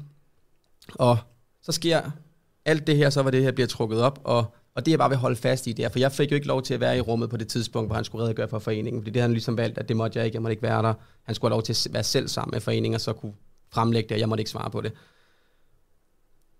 Øhm, jeg ved, der sidder nogen derude og siger, Henrik, lad nu være med at snakke om det der, snakke om politik i stedet for. Men han kan så ikke redegøre for det her. Foreningen siger, hallo Michael, det var en røverhistorie det der, det går ikke mere. Og det, der så undrer mig, det er så her i forgår, så lever jeg ind i ham, og så hilser han på mig, som om intet er hent. Og jeg, Er det for, og jeg er simpelthen så okay. forvirret. Jeg forstår det ikke, jo. Så, så, så, så lige, lige nu, der hedder den, at på et professionelt plan, selvfølgelig kan du arbejde sammen med Alternativet, men I har, I har ikke fået gennem, I har ikke snakket om alt det, der foregik dengang. Jamen, så du, hvad han sagde om mig, Alexander? Ja, det, jeg så kan det jeg, godt. det kan jeg jo ikke. Altså, hvad, alle min omgangskreds, mine venner, min familie, der alle hader ham jo. Men, men det var også ekstremt underligt. Det var det sygeste, jeg har prøvet i hele mit liv. Jeg vil dog sige, ultimativt, hvilket det mange gange er med sådan nogle kriser, jeg, så jeg er faktisk taknemmelig for det, fordi jeg er virkelig kommet styrket ud på den anden side. Virkelig. Og jeg, og jeg er kommet ud med en helt anden selvtillid. Altså, jeg ved, jeg kan holde til det her game nu. Det her politiske game. Hvordan, hvordan var det for dig? Altså, fordi at der har jo været en periode, hvor at du så har trukket dig og ikke lagt så meget på, og selvfølgelig at du bøffer Ja. den og går i gymmet og sådan noget, Ja. og stadigvæk kan blive en bøffet marked, selvom du Ja. er veganer og sådan noget. Så, man kan jo følge dig på Instagram selvfølgelig. Øh, men, men ser, ser, prøver jeg at sætte mig i dine sko, så er jeg ekstremt svært ved, at jeg ville synes, det var øh, fuldstændig ødelæggende for min dagligdag, for min hverdag øh, og for, for det liv, jeg har. Hvordan håndterede du, at der lige pludselig kom så mange ting ud omkring dig, som du måske ikke kunne lægge genkende til? Og som der ikke var nogen, der kunne redegøre for. Ja. Fordi det første, jeg sagde, det var, lad os sætte os på en live, og jeg er ligeglad med, hvor det er, om det er foran medlemmerne. Jeg vil møde op hvilket som helst sted i en radio, tv, lige meget hvor det er. Og så vil jeg bare gerne have at vide, hvad er det, jeg har gjort. Mm. Mm. Og så kan jeg så svare for det. Altså, så hvis jeg har gjort et eller andet, der var det her med, at jeg har sagt, hold kæft til en. Hvis der er nogen, der er ked af noget, jeg har sagt, og jeg synes, jeg har været en sød leder og en god leder, mm. Mm. så vil jeg gerne, meget, meget, meget gerne snakke om det. Privat, offentligt, radio, whatever. Og det kunne, bare ikke, det kunne jeg bare ikke komme til, vel? Og det er faktisk først nu, hvor at, øh, jeg har fået adgang til øh, partiets arkiver, altså tidligere bestyrelsesmøder og sådan noget der, at jeg har fået indblik i, hvad de her, den her klage, den lød Okay. på. Og det sygeste, det er halvdelen af dem, der har underskrevet den klage, dem har aldrig mødt i mit liv. Okay. Så mærkeligt. Øh, men det, altså... Så grunden til, at jeg ikke tager det helt så personligt, det er, fordi det er en magtkamp, og de er i politik. Mm. Og i nogle magtkamp, der kan man gå all in, ikke? og så bliver udfaldet binært. Det valgte Michael at gøre. Men det var, øh, januar måned var øh, overdrevet. Altså det var, jeg er heldig, jeg er velsignet, jeg har gode venner, en god familie og sådan noget der. Så når jeg får det dårligt, så kører jeg hjem til mine søskende. Mm. Så, Men det var, men så det jeg var, er heldig. det var dengang, og nu er det nu, og, og nu virker det som om, at I er ved at få sammensat et rimelig skarpt hold. Øh, Sygt. hvor, hvor, hvor meget er der blevet skåret fra dengang? Der har været nogle folk, der, du ved ikke, hvor mange, der havde skrevet under på det der, men der har været nogle folk, som måske har været uenige med dig, og nogle folk, der har været ja. meget på, på, på sådan den der purist side med, med, med Michael. Ja. Hvor, hvor, hvor meget er blevet skåret fra, hvor meget, hvordan ser holdet ud nu af, af det der? Jeg ved, kan det passe, at din kæreste, der var en af folketingskandidaterne? Yes, min forlovede, ja. Ja, så, så det, så det er ikke bare Henrik og familien. Og, og, og Martin fra Martin og Ketil måske? Ja. Nej. Nej. Hvordan ser holdet ud nu? Ja, så Martin og, fra Martin og Ketil er ikke opstillet på vores liste endnu. Men øh, 6. februar, der vælger øh, Veganerpartiets forening rigtig mange medlemmer, jeg tror 150 medlemmer møder op og vælger øh, nogle nye bestyrelsesforpersoner, eller bestyrelsespersoner. Og det er nogen, jeg har været med til at vælge. Jeg har sagt, altså jeg har simpelthen gået rundt i vores foreninger, i vores netværk og fundet ud af, hvem er de bedste mennesker til at levere det her arbejde. Mm. Og som forperson har vi en fremragende kvinde, der hedder Lærke, som i øvrigt er Ph.D. i nanoscience, og altså vores bestyrelse er bare blevet pakket med, altså som vi snakker med en læge og, og øh, akademikere, rigtig, mm. rigtig kloge mennesker, som er prøvet på arbejdsmarkedet, som har arbejdsmarkedserfaring, og som kan levere de her resultater. Og vi har fået forskerne tilbage ind i butikken, øh, dem som vi har arbejdet sammen med tidligere, og nu bliver der bare lavet, prøv lige at se her, på et andet tidspunkt. Jeg kan se holdet her, altså du har, øh, du har i hvert fald... Ja, men det der, det er kun lige øh, skorpen. Ja, der ham der, det er ham, der prøver at kvalificere til øh, verdensmesterskabet i Ironman. Ja, ham med skægget, kæmpe skæg. Yes, det er så sjovt, jeg kalder ham kameleonen, fordi han ligner lidt en rockmusiker. Han er øh, øh, energiteknolog, tror jeg, arbejder med energi i et stort dansk øh, forsyningsselskab. Så han er musiker, så, og så laver han Iron Man. Så hvem, er, hvem er rockmusikeren dem her? Nu har jeg fundet ja, dem frem. Ham med kæmpe skæg. Ned. Det er ham nede til venstre der. Det er fandme helseskæg, der ved noget. Men det er så sjovt. Karrieremand laver Iron Man. Og så er der Lars ved siden af, som er læge, og så til højre for ham er Tobias, som er lærerinspektør, og så er min forlovede op over. Og så har vi Lærke der, som er Ph.D. i Nanoscience, og vi har Carsten, som arbejder i et stort dansk uh, speditions, eller ikke stort, også etableret i Danmark, men en stor speditionsvirksomhed.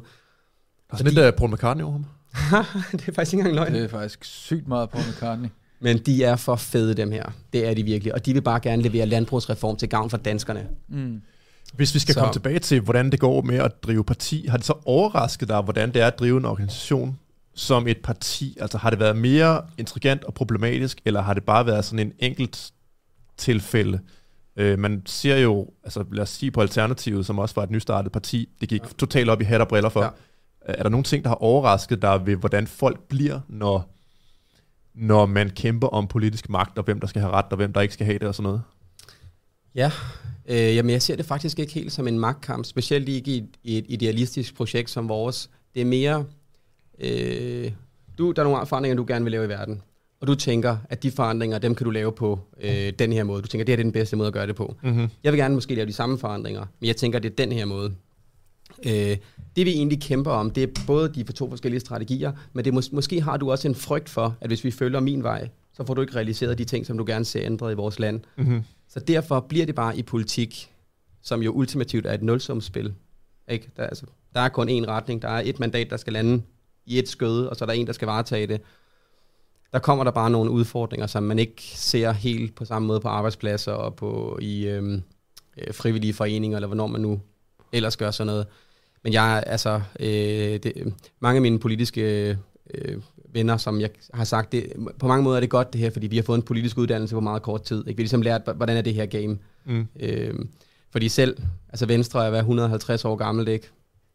Kan jeg huske, hvordan det var sidste år efter jul i Venstre, ikke? Altså der stak det jo også helt af, ikke? Vi ser det i, ikke rigtig Socialdemokratiet så meget, der er altså partisoldater der, men radikal Venstre så vi det ikke? Hvor det, hvor det gik helt amok med Morten Østergaard og hele den sag der, hvordan ja. den endte med at udvikle sig, og så blev folk uvenner og uenige i det Augen, den største stemmesluger ind med at skulle gå til Socialdemokratiet, fordi så var der nogen, der vidste noget. Altså, og det, jeg har sagt i medierne lidt i forbindelse med det her, det er også, at jeg tror, jeg, altså, det er ikke sjovt at se, når der går nogle ting galt i partierne, men jeg tror heller ikke, vi skal være øh, helt så sensitive over for det, fordi hvis alle står på rad række og smiler og er glade, så tror jeg, der er noget galt. Ikke? Mm. Fordi så er det bare sædevarmer, ikke? så er det folk, ikke folk, der går op i det. Og politikere er jo på trods af, at din tillid til dem ikke er, er så høj. Det er den jo. Resten af befolkningens tillid til politikere er jo heller ikke så høj, hvis man kigger på undersøgelserne. Er sådan lidt under brugtvognsforhandler eller sådan noget? Så er det passionerede mennesker, som i hvert fald øh, gik ind i politik med en idé om, at de gerne vil ændre nogle ting. Og så ved jeg godt, årene de går, og så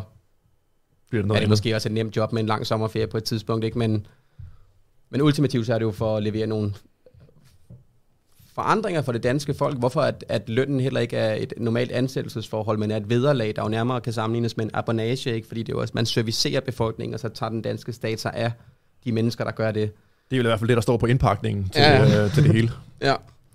Og jeg tror, i Veganerpartiet, med alt det, som vi har nået på de sidste fire år, hvilket er meget, hvis man tænker på, hvor det startede, og hvor mange der var i det løb om vælgererklæringerne, alt det, vi har nået med de ressourcer, vi har haft, hvis danskerne giver os tillid og krydser ved os, og lad os få de ressourcer, som det jo er, altså partistøtte og gruppestøtte, som jo er mange penge, så vi kan få afdækket den her industri, og så få iværksat de her øh, forandringer, så tror jeg ikke, dem, der krydser ved os, kommer til at blive skuffet. Jeg kan ikke se, hvordan...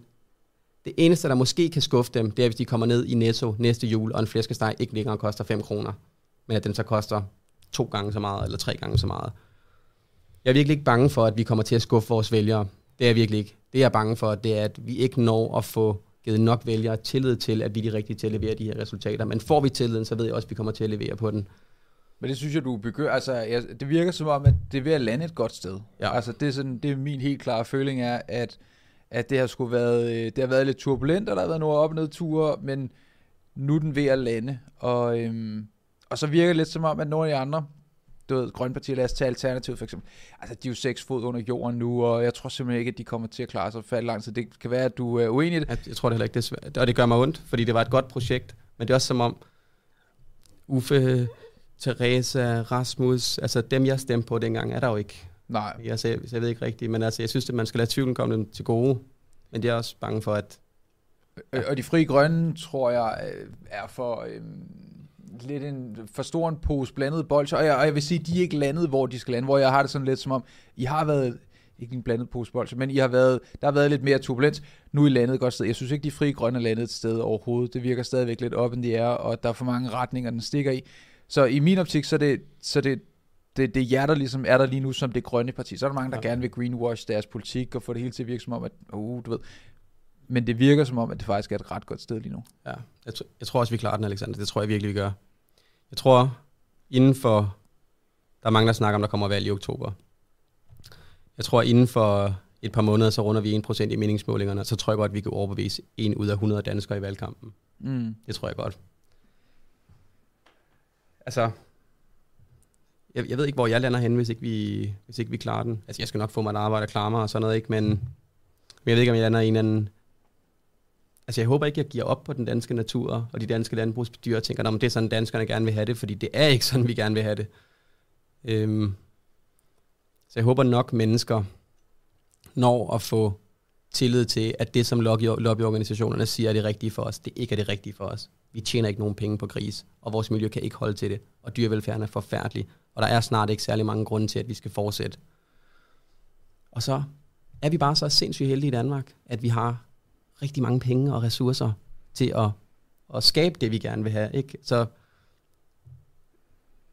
der er også nogle ting, andre ting, vi er nødt til at gøre. Ikke? Altså klimaforandringerne, de kommer sgu nok. Det er måske mange, der er skeptiske og sådan noget, men altså, vi ligger i vesten vindsbæltet, og det blæser mere fra vesten, end det plejer. Ikke? Og det, så vi, vi skal nok også lige stormflodssikre os, og have klimasikret vores land med noget mere natur. Og der er en masse forskellige ting, vi skal gøre. Vi skal have fikset vores folkeskoler, som vi snakkede om. Ikke? De unge mennesker bliver ikke uddannet til den verden, som de kommer ud i. Desværre. Ikke? Desværre er rigtig mange, der ikke rigtig kan leve sig save, når de kommer ud. Og de problemer kan vi godt løse. Det, det kan vi virkelig godt. Der er blevet sendt 100 kroner fra Magnus Tak, Vest. Magnus. Tak for de 100 kroner, Magnus. Og så har Magnus sendt 100 kroner mere. Og så skriver han, øh, PGA, på grund af jeres sidste afsnit med Veganerpartiet, levede jeg som veganer i tre måneder. Det er jeg glad for at prøve. Fedt.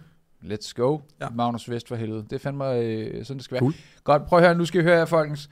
Det her det har været øh, formidabelt og sy- sindssygt spændende også at, øh, at, at følge udviklingen, og jeg håber, at, øh, at selvom at du kommer til at være en booket man op til næste valg, om så kommer til oktober, om kommer senere det, så, øh, så håber du har lyst til at komme ind en gang mere, så vi lige kan nå at få øh, Veganerpartiet i den final, final øh, form der. Yes. Øh, Når vi præsenterer folketingspolitikere og kommer ned med vores valgprogram, så vil jeg gerne snakke med jer. og hvis Og så Martin er jeg- fra så Martin og Ketil han er med, så skal du hive ham med i øh, studiet. Jeg siger det bare. Altså, Hvis jeg kan få Martin herned af, så velkommen. Ja, ja, jeg kan fandme love dig for. Så tager jeg og smider nogle øh, mariehøner på min cykelhjelm.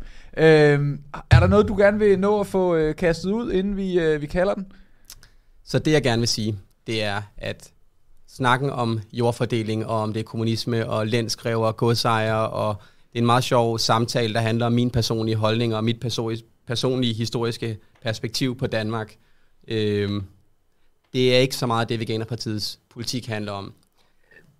Det vi gerne vil, det er, at vi vil gerne iværksætte et infrastrukturprojekt, som er rigtig svært at iværksætte. Og det er derfor, at det ikke er rigtigt er blevet gjort endnu, fordi det er svært ligesom at sige til lobbyorganisationerne, nu stopper vi med sunk cost, uh, too big to fail, som jeg, vi snakkede med Lars om før.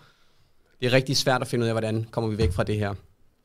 Men vi har arbejdet på det i fire år, og vi håber, at en masse andre begynder at arbejde på det også, men lige meget, de kommer ikke rigtig til at indhente os. Vi, vi er eksperter i det her nu, og vi kan levere den her reform, og øh, den eneste konsekvens, jeg ser for danskerne, vi får mere natur, vi får bedre miljø, vi kommer af med al den her dårlige øh, dyrevelfærd, vi får bedre vandløb, vi får alle de her forskellige gode ting, vi har snakket om. Den eneste konsekvens, jeg kan se dem, der måske kommer til at være for danskerne, det er, at næste jul, der kommer man ikke til at kunne få en flæskesteg for 5 kroner. Så skal vi subsidiere det, for at sige, okay, så er danskerne tilfredse, hvis de stadig kan få en flæskesteg til 5 kroner. Jeg tror måske også, vi er nået et sted, til et sted, hvor danskerne godt forstår, at en flæskesteg, den ikke skal koste 5 kroner. Jeg tror, vi klarer den. Jeg tror virkelig, vi klarer den. Hvis ikke, så vil jeg frygte for den danske natur, så vil jeg frygte for... Det går rigtig dårligt. Altså vores fugle, sangfugle, det hele er væk, og det er det ikke fordi, at vores byer er for store, for vores byer fylder 12 procent af vores land. Ikke fordi vores veje, vores motorveje fylder for meget, der er for mange broer, eller, eller Lynetteholm for den sags skyld, selvom det er et uheldigt VVM og så videre. Grunden til det, det er fordi, vi er det land i verden, der producerer mest kød per indbygger. Og det vil give mening, hvis det land var et fattigt land, der gjorde det. Altså som var nødt til at konkurrere i et primært erhverv. Så ville det måske give mening, at man gjorde det. Men det giver ingen mening for Danmark at gøre det. Et, to, fordi vi har været presset så hårdt på økonomien, så er dyrevelfærden nået til et forfærdeligt niveau. Det er, det er gyseligt, det er så slemt, som man overhovedet kan forestille sig, og så kan man gange det op. Avlsprodukterne, det, altså øh, forholdene, pladskravene, transporterne, det hele, det er blevet så skingerne sindssygt, og det er det blevet, fordi der ikke har været nogen penge i det, som er det tredje argument. Vi tjener ikke nogen penge på det. Veganerpartiet kommer for at ændre det i det danske landbrug. Så vil vi godt gøre danskerne sundere, vi vil nogle andre ting.